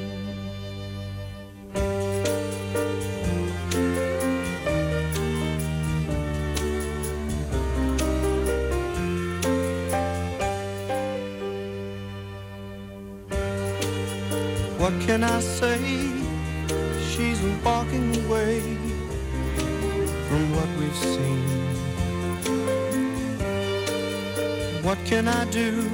Still loving you. It's all a dream. How can we hang on to a dream? How can it really be the way it seems? Hang on to a dream? Tim Hardin, How Can We Hang On To A Dream? Nooit meer slapen.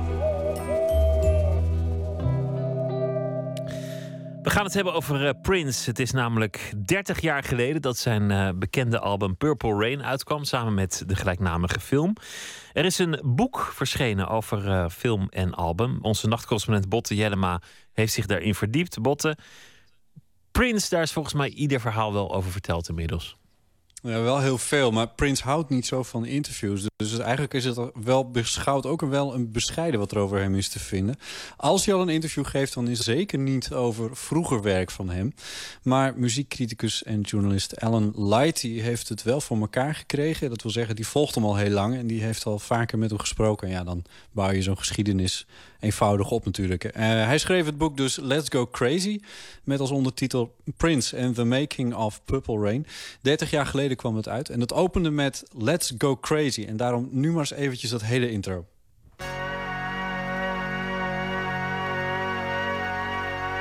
Beloved, we are gathered here today to get through this thing called life. Electric word, life, it means forever, and that's a mighty long time. But I'm here to tell you, there's something else. The afterworld. A world of never-ending happiness. You can always see the sun, day or night. So when you call up that shrink in Beverly Hills, you know the one. Doctor, everything will be alright.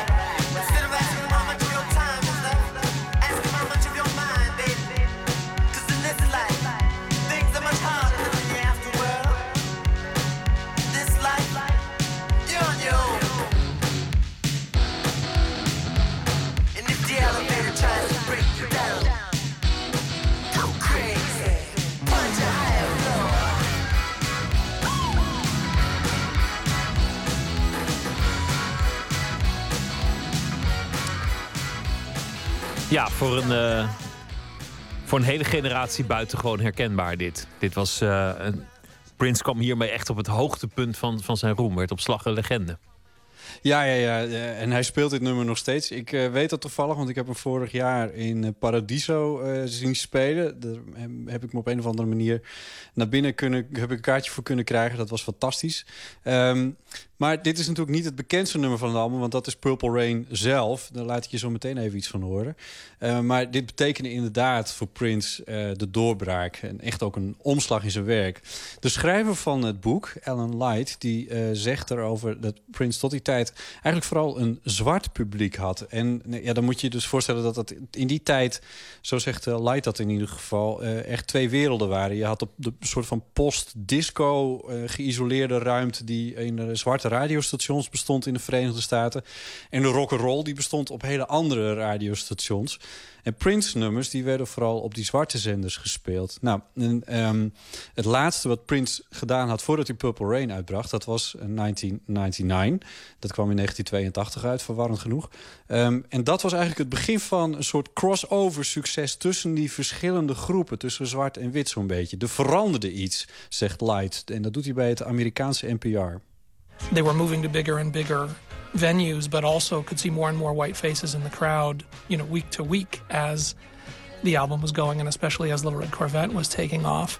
Ja, steeds meer witte gezichten in het publiek. En met het succes van het nummer Little Red Corvette... kon Prince ook steeds in grotere zalen komen te spelen. Nou, maar een algeheel succes, dat was hem niet, nog niet. Dat kwam pas met het film en eh, met het album Purple Rain. Ehm, maar het is niettemin erg wonderlijk eh, tot stand gekomen. Light. But if you look at the moment that it happened, when Prince went to his managers and said, You have to get me a feature film deal or you're fired. And what came out was a movie with a first time director, first time producer, Prince as the star who'd never acted, his band as most of the cast. Ja, als je, dat zo hoort, hè? Een, een eh, beginnende producent, eh, geen ervaren acteurs, een beginnende regisseur, eh, niet acteurs die de hoofdrollen spelen, namelijk gewoon hij en zijn band. Dan zou je denken, dit heeft eigenlijk alles in zich voor een gigantische flop. Ja, precies. Nou ja, dat, hoe groot succes zou dit nou kunnen worden? Maar dat werd het dus wel. De film is gemaakt voor eh, nou ja, wat eigenlijk een bescheiden budget is... voor 7,2 miljoen dollar. En eh, die heeft het heel goed gedaan. In de Verenigde Staten was er een omzet van 80 miljoen dollar uiteindelijk. En dat was in de VS alleen. Prince won er een Grammy mee. En eh, op dat moment was hij trouwens nog maar 25 jaar oud. En dat album, Purple Rain, wat eraan vast zat... dat was ook een wereldwijd succes. En dat betekende ook de doorbraak van Prince in Nederland. Maar er zijn nog veel meer rare dingen aan eh, dat album. Zo was de eerste single When Doves Cry.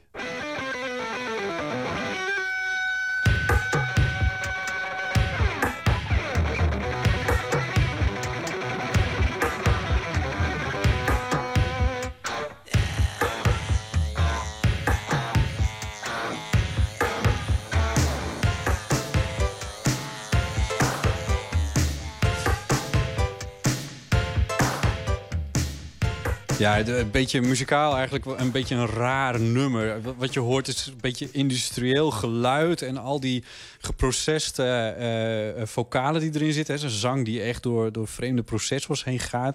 Het is een beetje een gek nummer. Het werd bovendien uitgebracht voordat de film was. En als je de film niet kent, dan is er van de tekst van dit nummer... echt totaal geen chocola te maken.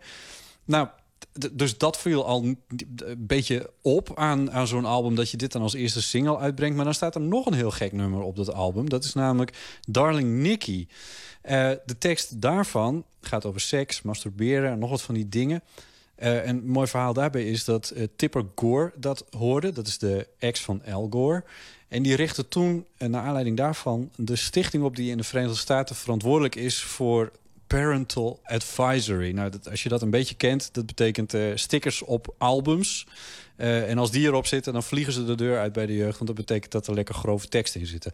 Nou, Prince staat met dit nummer, met dat eh, Darling Nikki... nog steeds op ehm, de eerste plaats van wat zij noemen de Filthy 15. Dat is een lijst met de meest smerige nummers... in de ogen van deze Amerikaanse fatsoensorganisatie. Maar dan was er de grote hit. En dat was uiteindelijk eh, Purple Rain. En een, een heel lang nummer eigenlijk ook. De, de Ja. titeltrack. Daar moeten ook goede verhalen over te vertellen zijn, denk ik. Ja, nee, die, die staan zeker ook in dat boek. Het- dat nummer is echt een standaardwerk voor rockgitaristen. Maar wat ik er niet van wist, is dat de officiële albumversie, dat lange nummer dus, eh, wat, wat die hit werd, dat dat de versie is zoals de band van Prince hem voor het eerst op het podium speelde. Ellen Light daarover.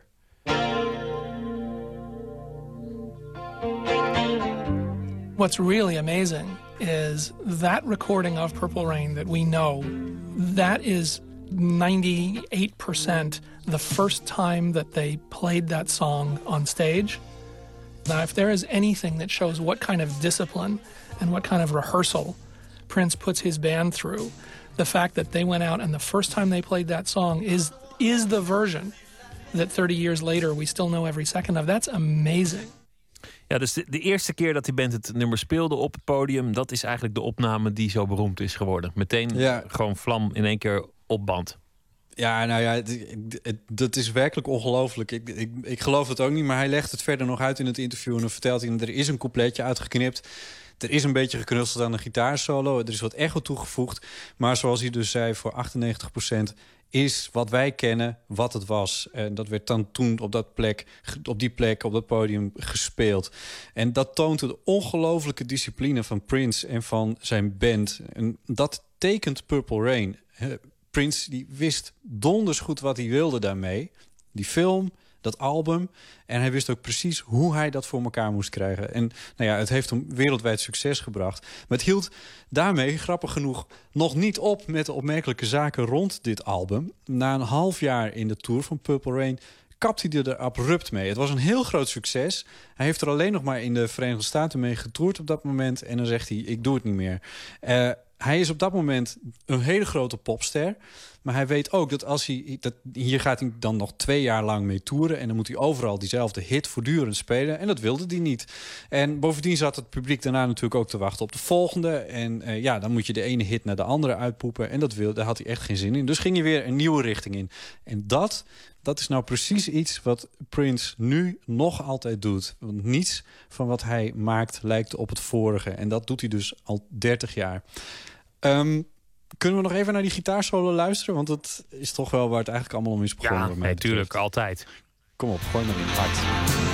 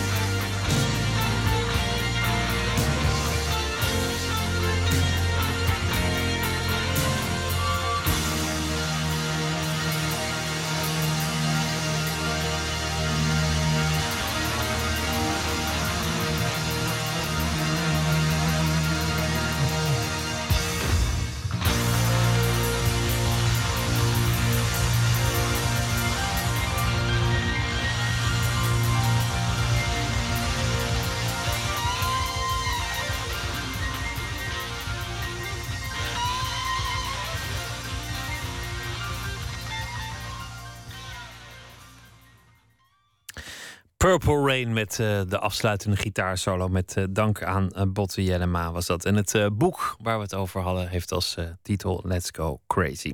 We gaan luisteren naar Liz Green met haar Midnight Blues.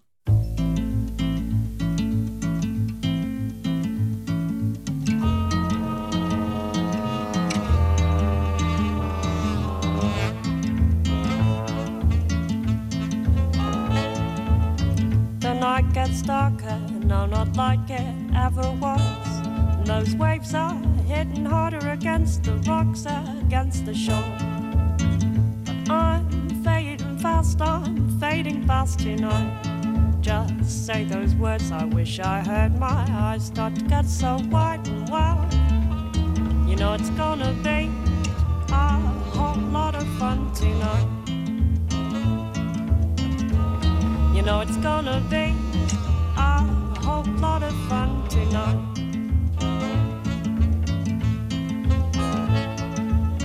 The night gets colder, now not like it ever was. And those men are pushing harder against my thighs, against my throat. And I'm fading fast, I'm fading fast tonight. Just say those words, I wish I heard my eyes start to get so wide and wild. You know it's gonna be lot of fun tonight.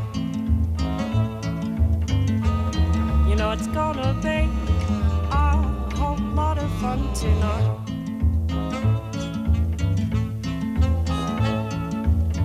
Just swaying over everything under the dance hall lights. Well, I spy that man, he want that woman, I, I want his wife. But I'm fading fast, I'm fading fast tonight. Look over your shoulder, see them boys learn how to fight well.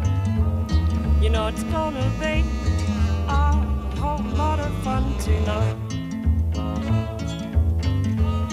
I said it's gonna be a whole lot of fun tonight.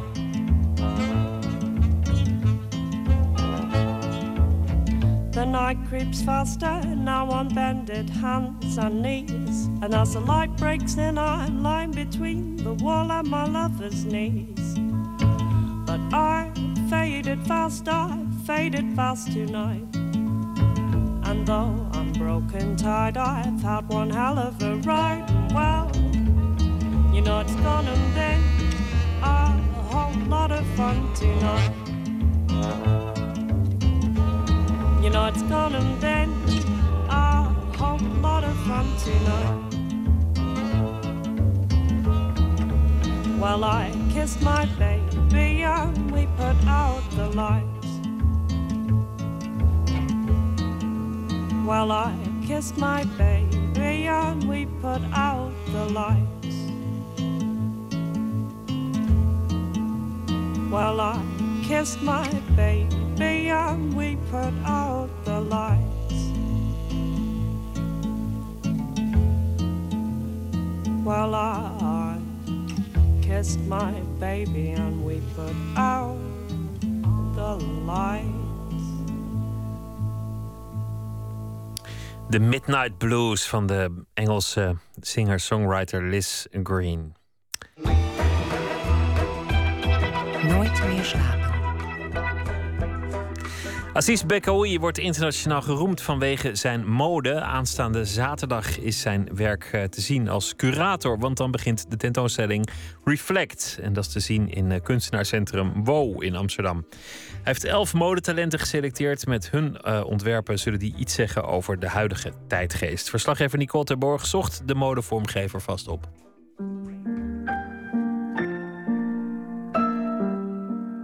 kan me herinneren dat ik uh, lagere school zat. Uh, ik had een uh, All-Stars gekocht. En, een blauwe en een groene. En niet om die blauwe samen te dragen, maar ik droeg echt de blauwe en de groene aan een linker rechter. Dat vond ik zo leuk. En ik was gewoon naar zijn huis gestuurd. Want het brengen andere kinderen in verwarring. Die zat de hele tijd te lachen, te schreeuwen. Ja, Aziz heeft twee verkeerde schoenen aan. En, eh, en ik deed het niet om, eh, om eh, aandacht te trekken of iets. Maar ik vond het gewoon heel mooi.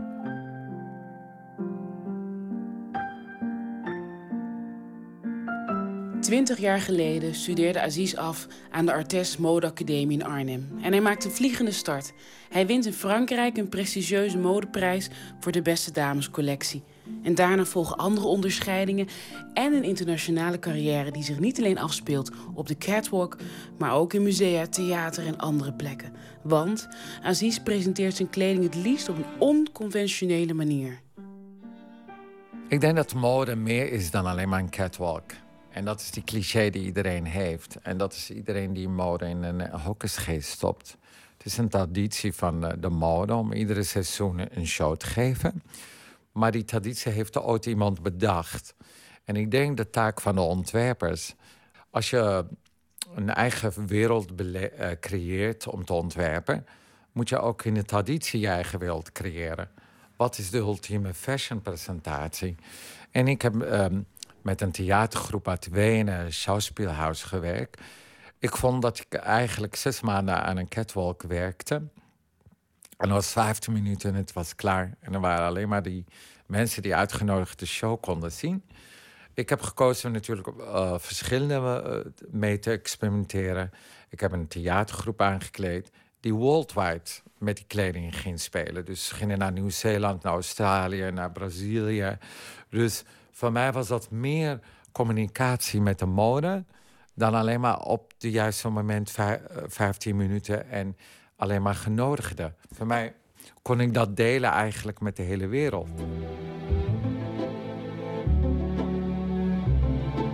Hier in de showroom aan de single om ons heen allemaal kledingrekken met overheen witte doeken om te beschermen tegen stof en allerlei andere zaken. Voor de tentoonstelling eh, eh, Reflect heb je elf modetalenten geselecteerd.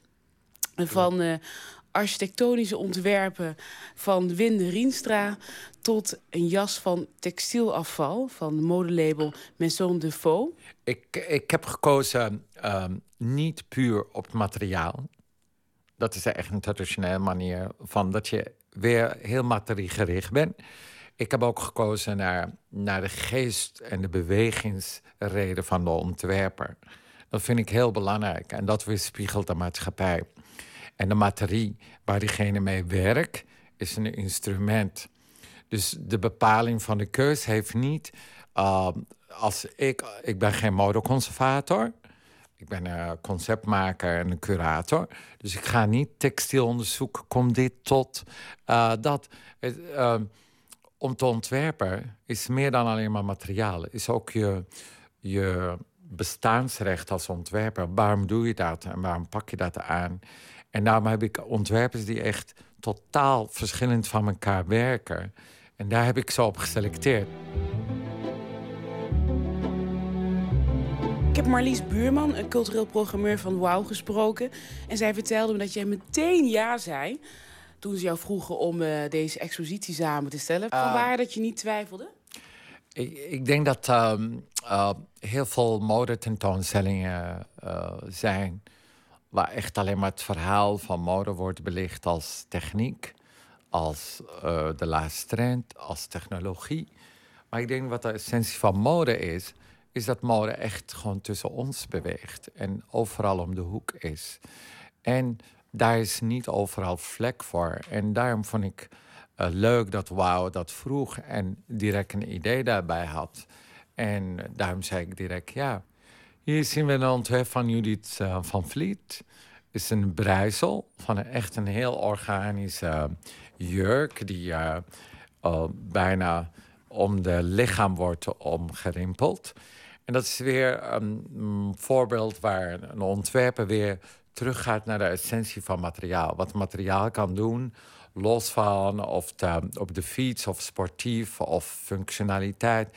Dus die denkt totaal uit de box, zo van wat kan ik met het materiaal een nieuwe wereld creëren. En dan zie je gewoon dat diegene niet conformeert aan trends of aan uh, mode, wat er gebeurt.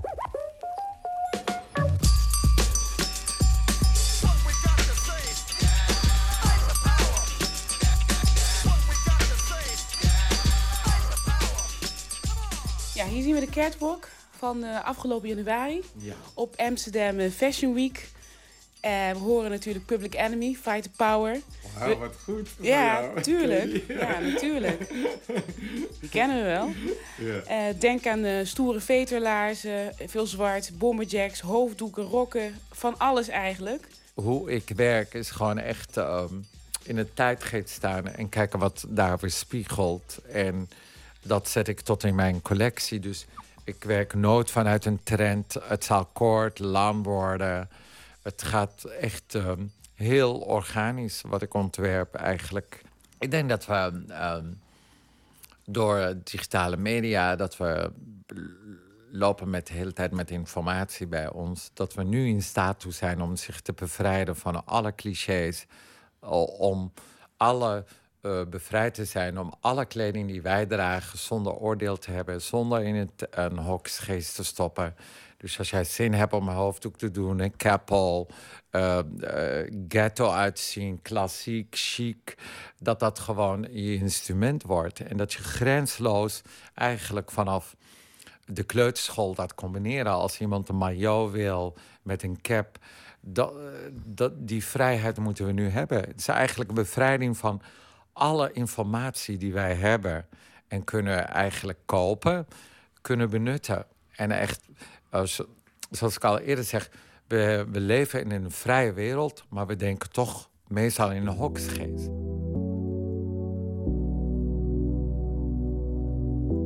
Ik zie het gewoon ook echt eh, als roeping om eh, dingen te verbinden, dingen samen te brengen. Eh, of het nou qua design is, qua modellen, qua muziek, qua energie losbrengen. Ik denk dat dat gewoon een mentaliteit wat je hebt in te ont- ontwerpen om dat te kunnen doen. Het is niet zo dat ik denk van nou, nu is de trend om dat te doen en volgend seizoen doe ik iets anders. Het is gewoon een, een handschrift of een, een drang die je hebt om eigenlijk de wereld mooier te maken en bij elkaar te brengen. En dat is natuurlijk elke jouw droom. Dat iedereen denkt van, oh ja, oké, dat kan ik kopen, dat kan ik samen maken. En dat je samen iets samenstelt wat iedereen weer denkt van, wauw, waar heb je dat vandaan gehaald?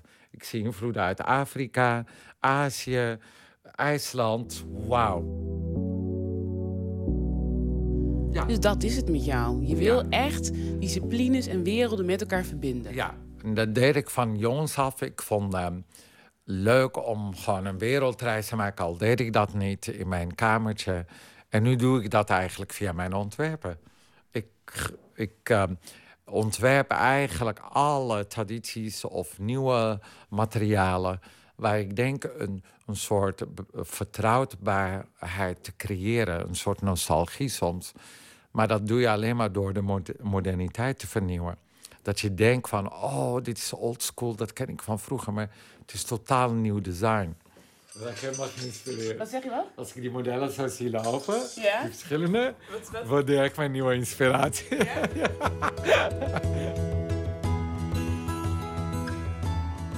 Aziz Bekaoui heeft al heel wat jaren succes in de internationale modewereld. Toch debuteerde hij pas begin dit jaar op Amsterdam Fashion Week. Ik- Ik denk dat ik al in mijn carrière veel geëxperimenteerd heb met eh, niet eh, voor te gaan wat echt zou moeten gaan in cliché.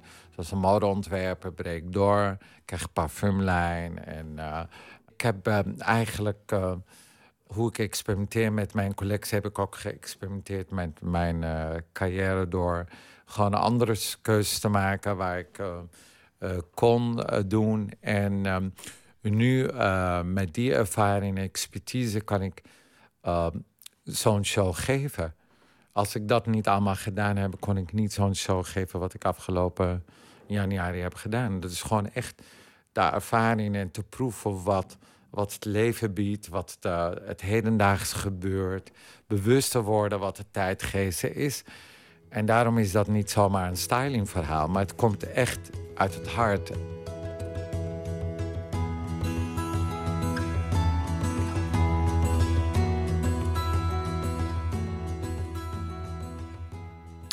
De expositie Reflect is eh, te zien vanaf eh, zaterdag 13 december bij WOW in Amsterdam. En eind volgende maand, eh, 23 januari, zet Assis Bekaoui met zijn nieuwe collectie op de Fashion Week in Amsterdam. Het SARS, nooit echt helemaal eh, doorgebroken. Het is niet helemaal duidelijk waarom eigenlijk niet. Maar ehm, ze maakte toch eh, leuke muziek. We gaan ehm, luisteren naar een van de tracks die eh, bijeen is gekomen op de Best of plaat. Die is verschenen en dat eh, liedje heet Val.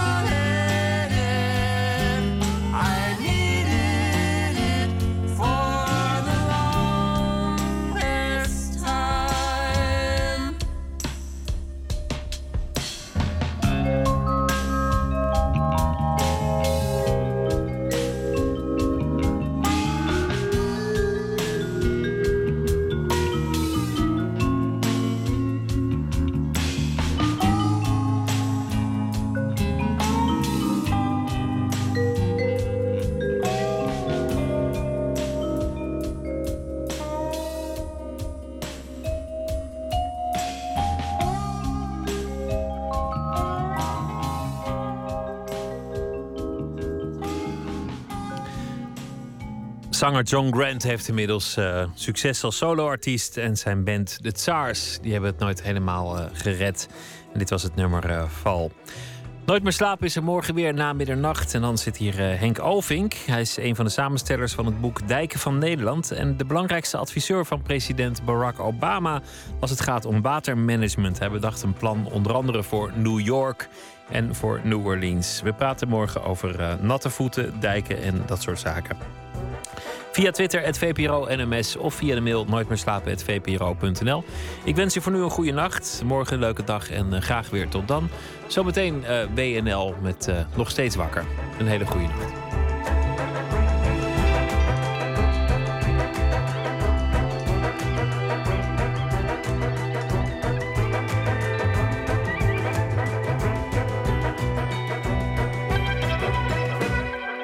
Radio 1, het nieuws van alle kanten.